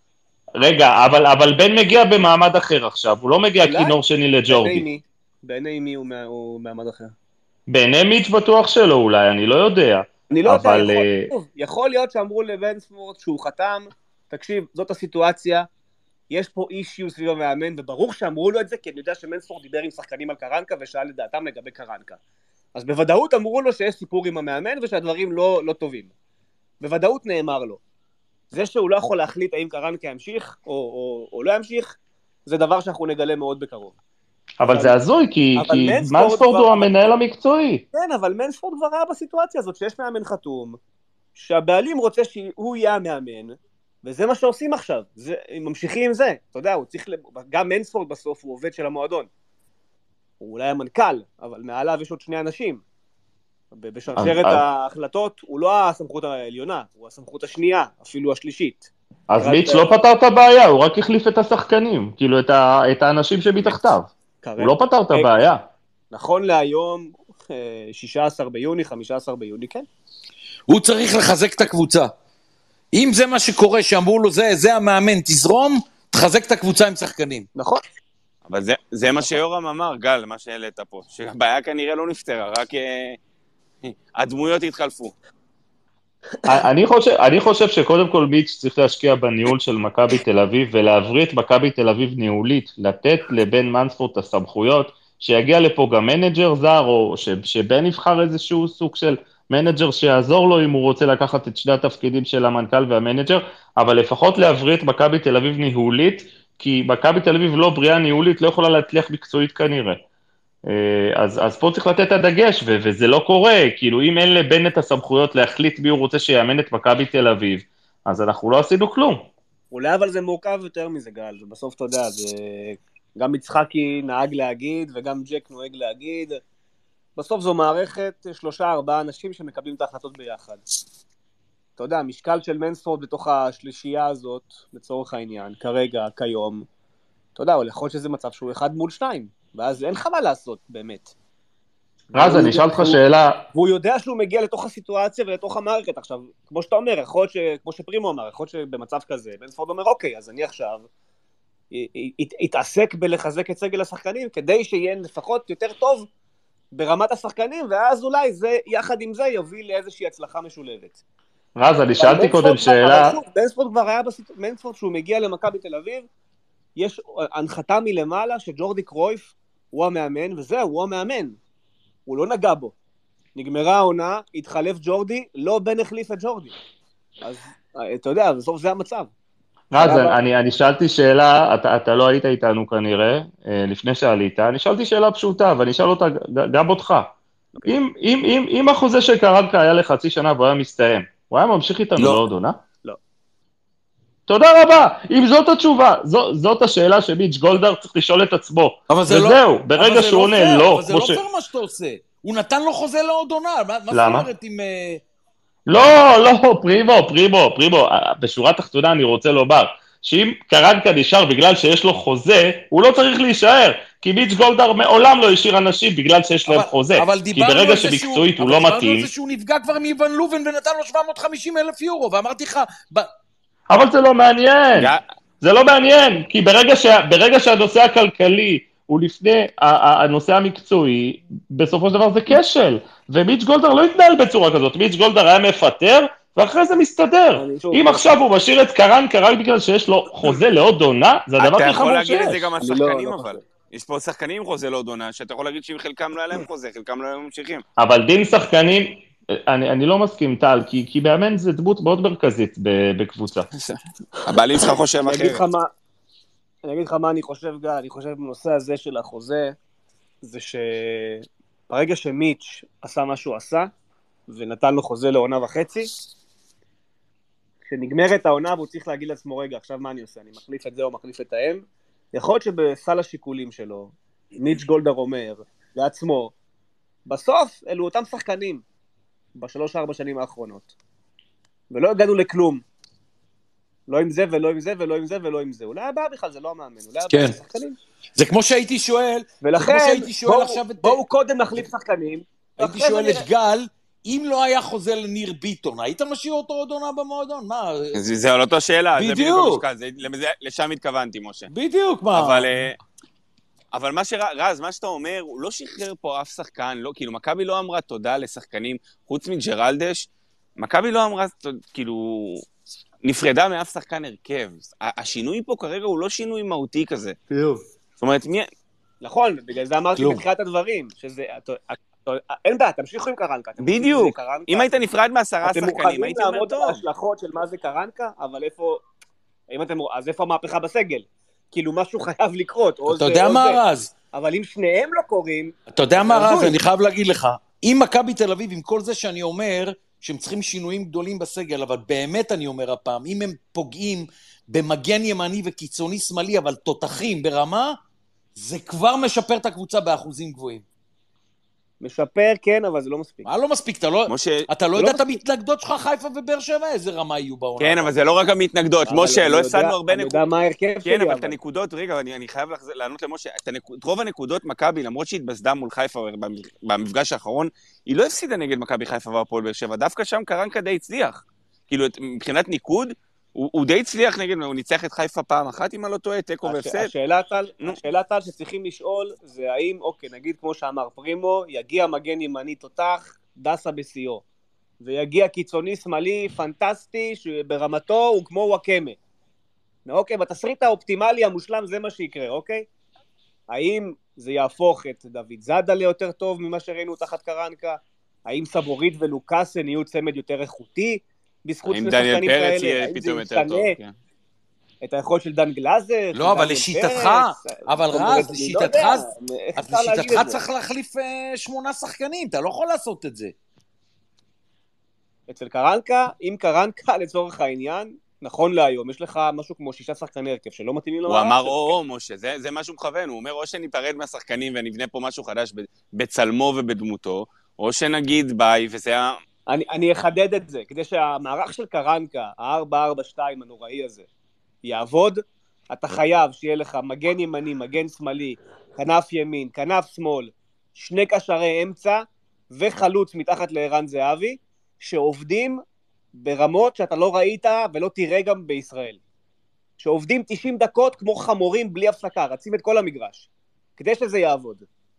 ואם אתה מסתכל היום על הסגל שיש לך במכבי תל אביב, זה לא שם. זה, אתה, לא, אתה לא בכיוון של זה אפילו. אז על סמך מה אתם רוצים שזה יצליח? עכשיו, אנחנו כל הזמן מחפשים פה גם... זה, זה, זה, לא, זה אנחנו הבעיה. מחפשים פה כל הזמן כנף שמאל, ואנחנו מדברים על זה, וזה בא על חשבון שחקן שהשנה אומנם הגיע ולא לא הצליח לחזור לעצמו, אבל איפשהו כן אני מאמין שמייעדים לו חזרה, אני מדבר על יונתן. אז זאת אומרת, איפה הולכים... אבל יונתן, אבל יונתן בעיני קרנקה הוא כנף ימין. אה, אוקיי, לשם הוא הבנתי. מייעד אותו. אני- הוא מיועד לשם, יחד עם, עם דן ביטון. אתה מבין שזה כאילו... שוב, אין לי בעיה, יונתן לדעתי יכול להיות אה, מצוין בצד ימין. גם דן ביטון. כמה הוא שיחק השנה בצד ימין. יונתן? רק בסוף. זהו, לו. כאילו, הוא אפילו לא יכול למדוד את זה. כן. אבל בדיוק, אתה, אבל כאילו זה, זה נחמד שאנחנו אומרים את זה פה בספייס, אבל קרנקה כבר היה המאמן גם של זה וגם של זה. איי, איי. כאילו גם של יונתן וגם של דן ביטון, וכמה הם כבר שיחקו. דן ביטון בסוף הוא זרק אותו באקט של אה, בלית ברירה תוך כדי משבר. יונתן כהן נזרק בשני המשחקים האחרונים. כמה הם כבר שיחקו החבר'ה האלה בצד ימין. זה לא שהם לא... זה לא שהסגל פה משתנה בצורה קיצונית. כרגע לפחות זה אותו הסגל מינוס שחקנים. אז אני אומר, אוקיי, תביא מגן ימני, תביא כנף שמאלי. עדיין אתה צריך עוד הרבה דברים אחרים שיתחברו לך פה, תחת קרנקה, כדי שזה יעבוד בשיטה של קרנקה, וזה לא... רז, לא אני. אשאל משהו אחר. כמה שחקנים צעירים סלש מושאלים, אתה חושב שמכבי, גם בגישת מנספורד וגם? כן, תשאיר ותכוון לשם כ- כעיבוי של הסגל, במקום להביא רכש מבחוץ. מה, על שניים אתה יודע בוודאות. שהם? שחר ו... תורג'מן ו... לא, תורג'מן ורביב. סבבה, רביב, תורג'מן היה בקבוצה. אני מדבר על אלה שחוזרים, מה שנקרא. אוקיי, אז על אחד זה בוודאות וזה רוי רביבו. אה, לגבי הנוספים, אני יודע שהתוכנית כן הייתה עידו שחר. אני צריך לראות מה קרה שם בבדיקות עם? ה... עם ה... עם ה... לא, זה אי סדרים בקצב אוי. לב, צריך להבין מה קורה שם. אני מאחל לו שזה כלום. אה, אז אני לא יודע להגיד לך עדיין. אבל uh, מעבר לזה, uh, גיא מזרחי כביכול אמור להיות האלטרנטיבה של צד ימין בהגנה. יכול להיות שתקבל איזושהי הפתעה בתחום הבלם החמישי בסגל, שישי בסגל, אבל גם אני בספק. שחר רוזן, אני יודע שבן מאוד אוהב אותו, אבל יש לך גם נחמיאס וגם פיבן וגם ניר ביטון הוא וגם לא בלם, כאילו, הוא לא איפה- בלם, הוא לא בלם, הוא? אה, בכפר הוא סבא מגן הוא שמאלי. העונה שיחק בלם. לא, לא, לא, העונה הוא עשה הרבה משחקים כבלם דווקא. ייני עוד. לא חתם, הם מכוונים להפריש, מה הסיפור שם? אני חושב שאין, לא, אין, אין לי בסוף יחתום. אה, ככה אני שומע לפחות. אבל אה, שוב, ממה שאתה אומר, אני לא חושב שאנחנו נופתע יותר מדי, זה יכול להסתכם ברויזמן וגיא מזרחי ועידו שחר, ושוב, זה לא, זה לא הסיפור. בלי לפגוע באף אחד מהם חלילה. אבל לא זה ולא זה ולא זה, ישנו את התמונה של מכבי תל אביב לעונה הקרובה. הם כל השמות האלה, חוץ מרוי רביבו ותורג'מן, טובים ל... בוא נגיד, טובים לנתניה. ואשדוד, אף לא אחד למכבי תל אביב. לא, אני אגיד את זה ככה, אף אחד מהם כיום ברמתו, הוא לא יון... לא משדרג את הקבוצה. לא, לא. ודור פרץ. תשמע, אני גם מאוד אוהב את אה, לא. נידם, הוא גם לא יכול אה, לשחק במכבי תל אביב. זה לק- לקבוצות הבינוניות אה, של הליגה, רז. אני, אני לא חושב שגם מכבי צריכה להוסיף עוד קשרים, אז בכלל זה לא... זה כרגע לא רלוונטי.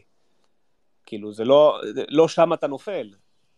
ואני לא חושב שאחד מהשמות שציינתי, יש בו את התכונות של מה שקרנקה צריך בקישור שלו, בשיטת משחק שבה הוא משחק, אז, אז זה לא באמת רלוונטי. זה בדיוק מה שקורה במכבי אה, חיפה, עכשיו ישאלו על אה, חלילי וחמזי שיבלי. אני לא, לא, לא, לא בטוח ש...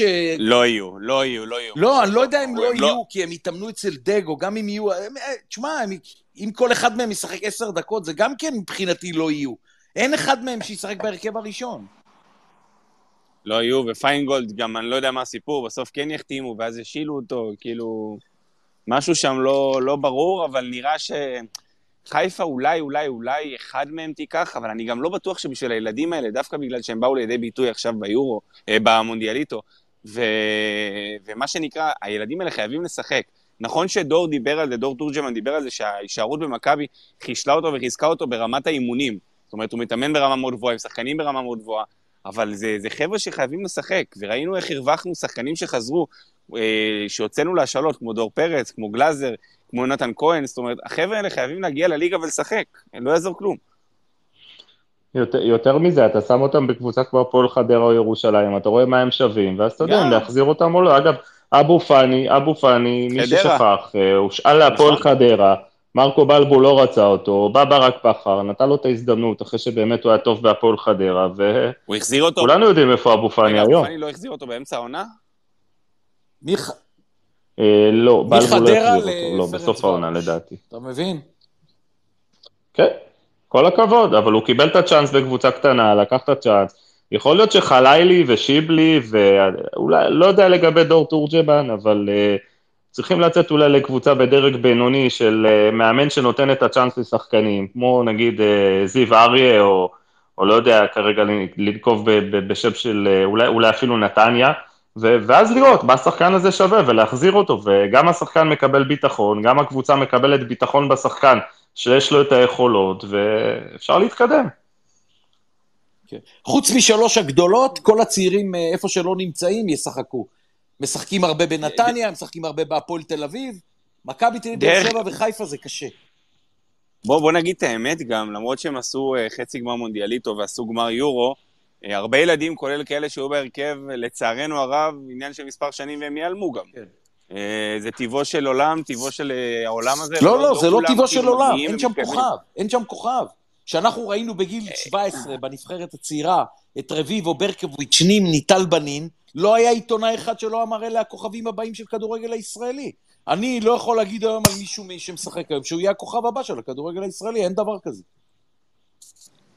לא כוכב, אבל יש שם פוטנציאל, משה, כאילו, בכל זאת, אתה, אתה רואה את רביבו, אתה רואה את פיינגולד, כן, אבל... אתה רואה את הצמד בלמים של הפועל, כאילו זה שחקנים לא שאתה רואה הדוגמאות אותם לעשור? הקרוב בליגת ה... כן, אבל, ראי, אבל, ראית, אבל ראית את אילי מדמון ב, אני ב, ביורו מתנצל, האחרון, ובסופו של דבר לא נתן, לא נתן משהו בהפועל באר שבע, אני מתנצל. לא תופס, כאילו, בלי לזלזל בילד, קטונתי, אני פחות מתחבר לסגנון ולכדורגל, פחות נפלתי מהרגליים.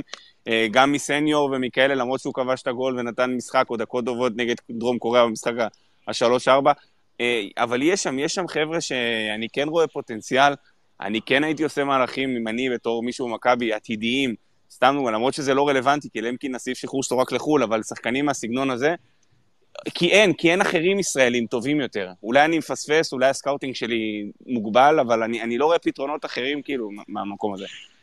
תשמע מה אני אומר לך, יצא למכבי תל אביב דבר טוב. רוי רביבו ודור תורג'מן, שניים מהמצטיינים, הם שחקנים של מכבי תל אביב, אין אחרים שיכולים. להשתתף עוד. פלוס, ואתה אין. הרווחת שוער, משה, אין מה... אתה הרווחת שוער, שהוא אמור להיות שוער. אה, שוב, הוא נפל, הוא הוא, נפל י- בדור... הוא, יחליף את, אה, הוא יחליף את ניצן בשלב כן, מסוים, הוא ברור. נפל, הוא, כן. הוא נפל בדור של שוערים די טובים. ש- בדור של גלאזר, בדור של אה, דניאל פרץ, בדור שאולי אני מפספס עוד אחד, שניים שאני לא זוכר כרגע, אבל הוא, הוא שוער מצוין, ואני רואה אותו כשוער ליגת העל לגיטימי תוך שנה-שנתיים. ברור, ברור. חייב אה, להגיד טוב. ש... כן. אה, לא, שוב, אני לא יודע לאן זה, ילך. אפשר להניח שזה הולך לכיוון מאוד ספציפי, של קרנקה ממשיך. שוב, נכון לנקודת הזמן שבה אנחנו מדברים, ועם זה שהוא צריך לנחות פה בשבוע הבא, הפתח לשינוי הוא מאוד מאוד מוגבל ודי קלוש. אה, אני חושב שצריך להבין שכאילו, אם זה הולך לשם, מכבי תל אביב, כאילו הקהל זה לא יעבור, גל. אה, רז, זה לא יעבור. אני, אני חושב שהוא, אבל כן צריך, אה, כן צריך לראות איך, כאילו, מכבי, אני מצפה ממכבי כמועדון, כן לנסות ולהבין איך כן להעביר את זה הלאה. תגיד, רז, הם סופרים את ה... הם סופרים במכבי תל אביב, לוקחים ללב את ההפגנות שהיו בקריית שלום עם השלטים לגולדהר וזה? לא, מה פתאום. לא לוקחים? לא, אבל, אבל משה, זה, זה לא יחמיר ברמת ההפגנות. כאוהדים של מכבי, לא, אנחנו לא... אני לא צופה יותר מדי הפגנות ודברים כאלה, אבל אני כן צופה. רגע, רגע, טל, אבל אפשר לעשות איזה, אז- איזה אז אני בא מחאת אהבה, זה לא חייב להיות הפגנה ולא קללות, ואפשר לה... אני- אני, חושב שזה אפילו לגיטימי וטוב שקהל יביע את העמדה שלו ויבוא לקריית שלום. מה שאני ולאו רוצה דווקא להגיד זה לא יקלל. הסיפור הזה של ההפגנות, אני חושב שמכבי תל אביב כמועדון, אם באמת התקבלה החלטה, והם חושבים שהם באמת אה, עלו פה על איזה משהו שהם יכולים לתקן. אוקיי, יכול להיות שמיץ' גולדהר, אנגלידיס, מנספורד עשו שיחה, או כמה שיחות, והחליטו, אתם יודעים מה, למרות כל מה שאנחנו שמענו, ולמרות כל מה שקרה, ולמרות הכדורגל ואיך שהוא נראה, אפשר לתקן את זה, עם קרנקה. נגיד וזו ההחלטה שהם קיבלו. הדבר הבא שהם יהיו חייבים לתקן, וזה צריך היה כבר להתחיל, זה לתקן את השבר שנוצר בין הקהל, כן. ב- ב- רמת האמון של הקהל כן. לבין המועדון, עם זה המאמן פתחנו, רז, עם. זה פתחנו את הספייס. ואת זה הם צריכים לתקן לפני הכל, כי אני לא חושב שמישהו פה רוצה להגיע לאיצטדיון בעוד... אה, זה מה שיהיה. שכולו יפה, מוטה. אז, אז זה בדיוק, לרעת זה. בדיוק מה שבאתי להגיד, ונכנסתם לזה כבר, אני חושב שגם אם אנחנו לא נרגיש את זה באובר אוהדים בקריית שלום, עם שלטים ודברים כאלה, ושוב, כל אוהד אה, זכותו להביע את דעתו ולעשות הפגנה, ואני אני לא שופט ולא לא אה, מבקר אף אוהד, אבל אני כן חושב שגם ברמה שקטה, גם אם אנחנו נוריד פה 10 או 20 אחוז ברמת המינויים, יכול להיות שעל גולדהר זה לא ישפיע, אבל על המועדון באיזשהו שלב זה יוריד איזה אסימון כלשהו, וגם בבלומפילד. הדברים האלה לא יעברו, כי אנחנו התחלנו להרגיש את זה כבר בשניים, שלושה משחקים האחרונים, סוף העונה שעברה, ואני לא מאמין שאנשים שכחו, ובקיץ הזה, לא יודע אם להגיד אוכלים חר... טל. לא מילאנו, לא מילאנו את סמי? עופר ב... לא מילאנו את סמי עופר בחצי גמר גביע. אבל איזה הסיבות אתם רוצים להוריד? אני לא חושב שיש מישהו בהנהלה של מכבי שחושב היום שאתם... אה, לא, כי הוא. חושב, כמו שאמרת, רז, ברמה מערכתית, שאם אה, אה, קיץ חדש, ובוא נתחיל, ומחנה אימונים, ויביא את הקבוצה שלו, ויבנה אותה בצלמו, וכל השטויות האלה, כן, אבל בהערכות, אבל בהערכות מנויים שלהם, אני יכול להגיד לך שהם לקחו מראש בחשבון תסריט כזה, שתהיה... זה מה שאמרתי, אז אתה מבין, אה, גל? הם הולכים לזה במודע, אבל שוב, יש הבדל בין, אוקיי, אני לא אמכור 22 אלף מנויים, אלא אני אמכור אה, 17, Mhm. לבין כל ה-17 אלף שבאים, באים נגד הקבוצה.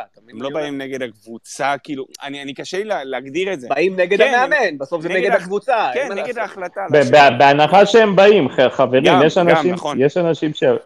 ש, שלא יכולים לראות את זה, וקונים מנוי, רוכשים מנוי, ופשוט לא בדיוק, מגיעים. בדיוק. אז זה בדיוק מה שאני אומר, לצד הפעולות המקצועיות שמכבי תהיה חייבת לעשות כדי של- לנסות ו- ושהסיפור של קרנקה כן יעבוד יותר טוב.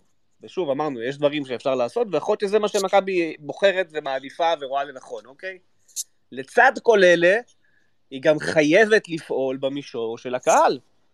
ו- ולא להגיד, אה, הקהל לא באמת מוחה, כי באים 30 איש לקריית שלום, אז זה לא כזה דרמטי. זה לא הסיפור. מכבי צריכה, לדעתי, לעבוד חזק על הגזרה הזאת, של לחבר בחזרה איכשהו סביבה בריאה, סביב, סביב המועדון וסביב קרנקה. אם קרנקה ייכשל בהמשך, אז הוא ייכשל בהמשך. אם הוא יצליח, אז הוא יצליח.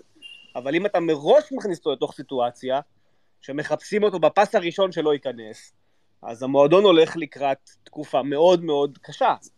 ואת זה חייבים לפתור לא פחות מאשר את עניין המגן הימני. זה מדהים שכולם אומרים את זה, כולם רואים את זה, אבל כאילו משהו במועדון לא מחלחל מהבחינה. רז, התגובה הייתה צריכה, הייתה צריכה להיות תגובה למכבי תל אביב, אחרי מה שראינו מחזור אחרון באשדוד. כי מכבי תל אביב, לא, אני אגיד לך יותר שנים. לא קרה פרימו, דבר כזה ממש שאוהדים נכנסו וקיללו מקרוב את המאמן. זה לא קרה, הייתה צריכה להיות לא, תגובה. פרימו, אני בכלל לא הולך לשם. אני לא הולך לשם, פרימו, אני בכלל הולך, אתה יודע לאיפה אני הולך? להפועל ירושלים בלומפילד. החילוף של קרנקה והתגובה של היציע לחילוף, זה גמר את הקבוצה בארבע דקות. מעבר לחילופים עצמם שהם היו גרועים. אתה בשנייה אחת הפכת את כל בלומפילד מאיצטדיון שבעדך לאיצטדיון שנגדך. עכשיו, אם אתה רוצה להיכנס לקראת העונה החדשה, כשזה, כשזאת האווירה כלפי המועדון, אתה בבעיה מאוד קשה. עכשיו, אם החלטת שאתה משאיר את קרנקה, אז אוקיי, זה שלך, המועדון של מיץ' גולדהר, ויכול להיות שמיץ' גולדהר ואנגליס ומנספורט מבינים יותר מכולנו בכדורגל, אני לא אומר שלא, יכול להיות שהם מבינים הרבה יותר מכולנו, הכל בסדר. אבל, אבל, אבל אולי... בקהל הם לא מבינים יותר מאיתנו, ולכן הם צריכים לעשות את הפעולות שיחברו את הדבר הזה מסביב, איכשהו. אחרת אתה אז- תיכנס תוך סיר לחץ שהוא כישלון ידוע מראש. רז, אז, אז, אז כפי, כפי שאנחנו רואים, אז זה טעות על טעות על טעות, כי כדי לה, להחזיר את קרנקה לתודעה, או, או שהקהל יקבל אותו בחזרה, נקרא לזה ככה, אז אולי כדאי כבר לשבת במסיבת עיתונאים ולהחזיר את הלגיטימציה של אה, קרנקה, לפחות לדבר. מה שמכבי תל אביב עושה זה כרגע, זה, זה רק מגביר את האנטיגוניזם. הם מחביאים את נכון, הם מחביאים נכון. את זה מתוך תקווה שזה... יש לי רק בעיה אחת עם משהו שרז אמר זה- עכשיו לפני דקה. אמרת, אה, מיץ' גולדהר הוא הבעלים של המועדון. אז הוא הבעלים של המועדון, הוא מתווה את הדרך, הוא ממנה את האנשים, אבל רז, נכון. הוא גם בעלים של קניון. עכשיו, מה אני רוצה להגיד לך? לקניון אין אוהדים. הוא יכול בקניון שלו לעשות מה שהוא רוצה. מה אני רוצה לומר? שנכון שהוא הבעלים של הקבוצה, אבל אי אפשר לסתום את האוזניים לאוהדים. הם הלקוחות שלך. זה שאתה אני- כותב להם כל שני וחמישי באו לקנות חולצות ונפתחה עוד חנות, אתה לא יכול שהם אה, אה, לא, לא רוצים משהו, שבאים אה, אה, בטענות, לא, לא להגיב להם. הם הלקוחות שלך. וקבוצת כדורגל לנהל זה לא כמו לנהל אה, קניון או חנות. גול- גולדהר הוא כבר הרבה מאוד שנים אה, לא- כבר לא קניון. מה שלא אה, תגיד לי, אין לו נדל"ן- אוהדים, אין לו נדל"ן אוהדים.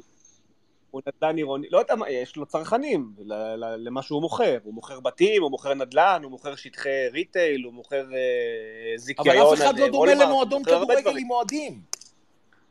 לא, אין, אין דבר שדומה למועדון כדורגל, אה, אבל גולדהר כבר כן, זאת אומרת, הוא ניהל את המועדון הזה בזמן שהוא כן זכה בחמש אליפויות, וכן הגיע לליגת האלופות, וכן הגיע לליגה האירופית, וקונפרנס ליג, ו-32 אחרונות, הוא כן עשה את כל הדברים האלה, והוא כן ידע לבנות מוצר, שהקהל של מכבי תל אביב קנה עבורו 22 אלף מינויים רק לפני שנה. הוא כן ידע לעשות את זה, אבל אה, אני לא חושב שגולדהר הוא זה שצריך עכשיו לבנות מחדש את האמון סביב קרנקה, בשביל זה יש לו מספיק אנשים במערכת שצריכים להתחיל לחשוב בצורה טיפה יותר יצירתית על איך הם אה, כן מייצרים סביבה בריאה. להגיד עכשיו, הסביבה הבריאה תגיע כי ננצח כמה משחקים ותהיה אווירה טובה וזה יתחבר, אני חושב שאנחנו כבר לא שם. אני חושב שמכבי כבר פספסה את הרכבת הזאת מ- מלפני כמה שבועות טובים. ו... וזאת אחת הבעיות. אתה יודע, האמירות של ריקן, אחרי המשחק מול באר שבע, שלא נורמלי שמנרמלים פה תוצאות שהן לא ניצחון, זה חלק ממה שאני מדבר עליו. מכבי תל אביב כמערכת מנרמלת סיטואציה שהיא לא מכבי תל אביב. וזאת הבעיה שהם צריכים לעבוד עליה, לא פחות מהנושאים המקצועיים. אתה לא יכול למכור לקהל הזה שזה בסדר לא לקחת אליפות, וזה בסדר להיכשל, וזה בסדר לעשות ככה, וזה בסדר ליפול עם קרנקה. הקהל באיזשהו שלב כבר מפסיק להאמין לסיפורים האלה. וזה שעד עכשיו מכבי מחביאה את הסיטואציה של קרנקה, והיא מחביאה אותה, זה עושה לה לדעתי עוד יותר נזק. אני, כי אני חושב שאם היו אה, מעבירים איזשהו מסר חד משמעי לכולנו, לא צריך אפילו הודעה רשמית, זה מספיק, זה, זה אפילו הודעה, אתה יודע, הודעה, הודעה מעופר רונן, אוקיי? לכולנו בקבוצה. או הודעה מעופר רונן לא בקבוצה, בשיחות טלפוניות פרטיות עם השלושה ארבעה עיתונאים שמסקרים את המועדון. שאומרת, חבר'ה, רדו מסיפור קרנקה, זה המאמן, אני די, אני די בטוח שאם זה היה קורה כבר, אז כמו שיש היום קהל שמתנגד לקרנקה, לדעתי הרוב המוחלט של האוהדים היה אומר, טוב, בסוף זה מכבי תל אביב, זה המועדון שאני היה בלאגן יותר אני גדול, רוצה רז. שהיא תצליח. היה בלאגן יותר גדול. לא בטוח, אני... אני אוקיי, לא בטוח. ההרגשה שלי היה בלאגן יותר גדול אם מכבי הייתה מודיעה שקרנקה ממשיך, או כל מיני... כמו שאתה אמרת בהתחלה, הם מנסים להחביא מהמקום הזה של לא, לא, זה לא ייעלם, אבל זה ייתן טיפה... זה יהיה... אבל איך מועדון, איך זה נראה כמועדון כדורגל נראה טוב, שמחביא ומתחמק? טל, לא, זה נראה רע מאוד. אין פה, אי אפשר להסתתר מאחורי זה. אני אגיד, אני, מה שבאתי להגיד, זה שאני פחדתי משני המשחקים האח- האחרונים שלקראת סיום העונה שעברה. אחרי שהקבוצה התבזתה נגד מכבי חיפה, הגענו מול אה, הפועל באר שבע מפורקת לחלוטין, שיחקנו מול ילדים של הפועל באר שבע וניצחנו שם 3-0, ובאנו למשחק לא רלוונטי בעליל שם באשדוד וגם אותו ניצחנו, ואני מוכן לחתום שאם היינו מפסידים בשני המשחקים האלה, לוקחים נקודה או שניים, אז כנראה שההחלטות שהיו מתקבלות לא היו, מחכות, לא היו מחכים להיום, וכנראה היו מקבלים החלטות זה. אבל אה, שני המשחקים האלה, שכביכול גרמו לך להבין עם ה-up and down הזה, שיש פה פוטנציאל, או כל מיני סיפורים כאלה, הגדרות, אתה, אתה מגביר את הזלזול שלך במועדון, בהנהלה. חד משמעית, ברור. זה, כן? אני, אני לא מסתיר, אני אומר את זה קבל עם ועדה. הקבלת החלטות פה אה, אה, מתבצעת על סמך אה, מכלול שיקולים לא נכון. זה, זאת, זאת הבעיה הכי גדולה פה. ועם זה בעצם אנחנו מסיימים את הספייס הזה, עם, עם החדשות המעין רעות האלה, שהוא נוחת פה שבוע הבא, וככה הולכת להיראות לפחות תחילת העונה הבאה שלנו. תשמעו, זה, זה, זה קיץ מטורף, זה הרבה סימני שאלה, זה הרבה מרמור, זה הרבה אי-הבנות, זה הרבה באמת שאלות שאתה שואל את עצמך, איך הכתובת כל כך הרבה על הקיר, והייתה על הקיר, גם מקצועית, ו, ובאמת, מכל הבחינות, באמת משהו פה מוזר, אני מאוד מקווה שאנחנו נתכנס עוד שבוע, שבועיים, או, ובאמת אה, קרנקה יוחלף, בתוך תוכי אני עדיין אה, מייחל לזה. אה, לא, רק התקווה היחידה שיש אני רק- לנו. אני רק אוסיף שלצד כל מה שאמרנו, קיימת גם האפשרות שמכבי תל אביב פועלת אה, במחשכים. ואנחנו נופתע כולנו, זה יכול לקרות, זה, לא, זה, זה כבר קרה נכון. בעבר, כן? אה, זה כבר קרה בעבר וזה היה קיצוני כשזה קרה, ויכול להיות שזו הסיטואציה גם עכשיו. לא יודע לגבי קרנקה, אבל אולי לגבי שחקני רכש. תשמע, הס... רז, כל הסימנים, זה שאין רעיונות, וזה שאין וולקאמים של שחקנים, שיכול להיות שהחתימו ומחכים, וזה שבן אה, דיבר עם, אה, אה, אה, דיבר עם מאמנים, וזה שבאמת, מכבי מסתירים את קרנקה, וכל הדברים האלה בסוף מובילים לדבר אחד, הבעיה היחידה שלנו, ששבוע הבא זה הדדליין, ובאמת הוא אמור לנחות, זאת הבעיה היחידה. אם היה לנו עוד שלושה שבועות עכשיו למשל, היינו עדיין בדעה שקרנקה לא יהיה. אני רוצה להגיד לרז, כן. שהוא אמר מחשכים, ושמכבי תל אביב פעלה במחשכים מתקופת uh, ג'ורדי קרויף הראשונה, אז לא הייתה שום בעיה. כל האוהדים זרמו איתו כי היו הצלחות. אבל תראה מה קורה שאין הצלחות ומחשכים, הם כולם מתפוצצים, וזה ההבדל הגדול. לא, אני חושב שהסיטואציה היא פשוט אחרת. מה שעבד ב-2012 לא רלוונטי לצורת המדיה היום. גם זה נכון. לא, זה בכלל לא נכון. דומה. המדיה השתנתה בצורה קיצונית בשנים האחרונות, ולדעתי בקורונה היא הלכה והשתנתה אפילו עוד יותר. גם נכון. אני אני יכול להגיד שאני אני חווה את זה על, על עצמי לצורך העניין. אני ב, סתם, אפילו ברמה כאילו שבטוויטר הגידול שלי בשנה האחרונה הוא כמעט פי שניים מכמות העוקבים שהייתה לי לפני שנה. כאילו הכל פה קיצוני. אה, יש חשיבות מאוד קיצונית למדיה פתאום, וזה לא היה ב-2012. זה לא היה הייתה. רשת חברתית כזאת, לא. ברור, ש... ברור שפייסבוק השפיע, אוקיי, אבל אנחנו היום בעולם שפייסבוק הוא כבר, אה, הוא באמת כלום. אה, וזה, וכן, המפה היא שונה. ולא רק שהמפה היא שונה, בסוף קהל מתחבר למעשים. עכשיו, אם אתה הולך למצ... למצב של, אוקיי, אני ממדר את כולם, ואני עובד עכשיו רק עם סוכן אחד, שאני יודע שהוא נאמן לי ב-7,000 אחוז, והוא יביא לי את כל השחקנים בהתחלה, והוא יביא לי מאמן, והוא יביא לי ככה וככה וככה, ויכול להיות שזה מה שמכבי עושה כרגע. הקהל בסוף רוצה לראות מעשים, אתה יודע, הלכה למעשה. כשזה לא קורה גם, אז מה זה, כאילו, מה מטרת המחשכים? המייל, אם היית אומר לי, תשמע, אוקיי, קרנקה ממשיך, אתה לא אוהב את זה, אבל תראה מה החתמנו עד היום, הייתי אומר לך, טוב, הם עובדים, תשמע, הם עובדים ועושים עבודה יפה. כרגע לפחות אין לי אינדיקציה לכלום, לא מזה ולא מזה. וזה מה שהכי לדעתי מטריף את הקהל של מכבי תל אביב. יותר מהכל. שהם לא מקבלים לא שחקנים, לא שינוי במאמן, שום בשורה, מנספורד לא דיבר אפילו פעם אחת מאז שהוא התחיל את התפקיד שלו. מדהים, מדהים. אה, זה, זה הרבה דברים שהם לא בסדר.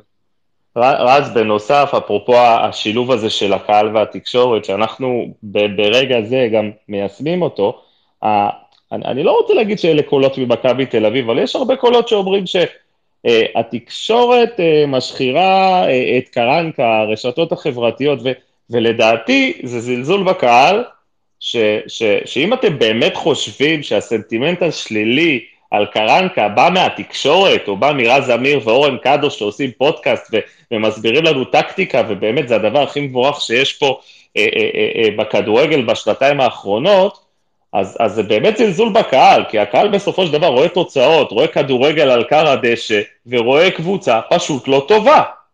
את, ה, את המשפט הזה של, אה, של אה, תקשורת משחירה את קרנקה לצורך העניין, אני שמעתי כבר באזור פברואר, פברואר-מרץ, הוא כוון אליי, הוא נאמר לי מתוך המועדון, אה, הוא כוון כמובן לדברים שנאמרים בפודקאסט, ואני חייב להגיד שאני לא מתחרט על אף מילה שנאמרה, ואני עומד מאחורי כל מילה שנאמרה על קרנקה, מהיום שהוא נחת ועד לספייס הזה. אה, אם מכבי תל אביב כמועדון לא יודע להתמודד עם ביקורת מקצועית על אה, מאמניו וצורת המשחק שלו, אז יש בעיה מאוד קשה במועדון. מאה אחוז. אמיתי לגמרי. אמיתי לגמרי, אני לא חושב שאני, אני, אני אפילו, אני, אני, אני אדייק את זה.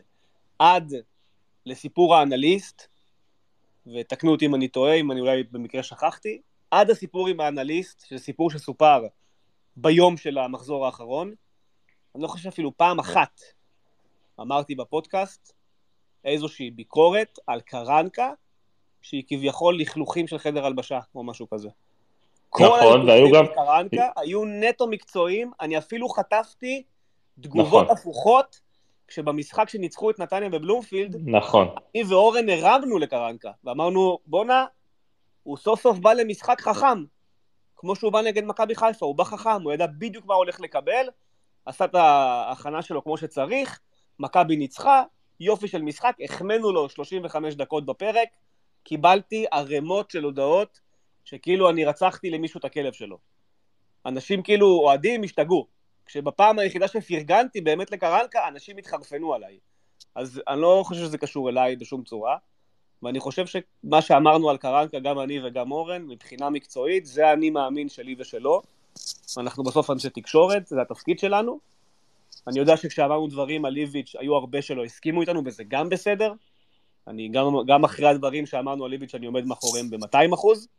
בסוף אני רואה כדורגל בצורה מסוימת, אורן רואה כדורגל בצורה מסוימת. אנחנו עושים פודקאסט זוגי, אני חושב שהוא מצליח, המספרים מדברים בעד עצמם, אבל להגיד שזאת הסיבה שקרנקה לא הצליח, אז זה באמת, זה, זה לזלזל באינטליגנציה של אוהדים, ו- ולזלזל באינטליגנציה של עיניים של, של קהל, שבסוף בא לכל משחק ורואה את הקבוצה נראית על הפנים, בלי שום קשר למה שאני אגיד או מה שאני לא אגיד.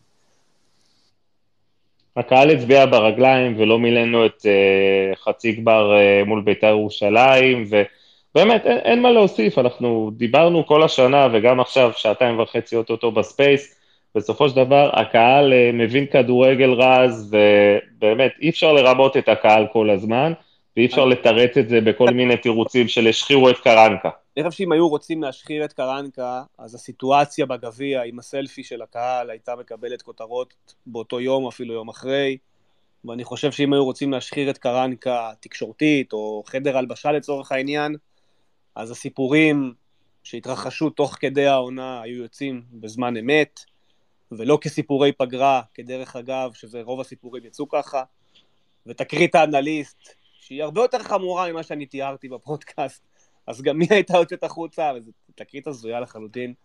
ויש עוד הרבה דברים, יש עוד הרבה דברים. התפוצצויות... תקרית מבישה, רז, זו תקרית מבישה של מיץ' גולדהר אה, מחליט לפסול מאמן כזה או אחר ולא, ולא לזמן אותו לראיון על סמך אה, אי אלו אירועים שהיו לו בעבר, התקרית הזאת של קרנקה בחדר ההלבשה לדעתי... רגע, רגע, אני יכול לשאול מה זה עוד הרבה דברים? אנחנו תמיד רגע בסימ... אנחנו תמיד בסימן שאלה של מה כן אמרו לגולדהר ומה לא אמרו לגולדהר.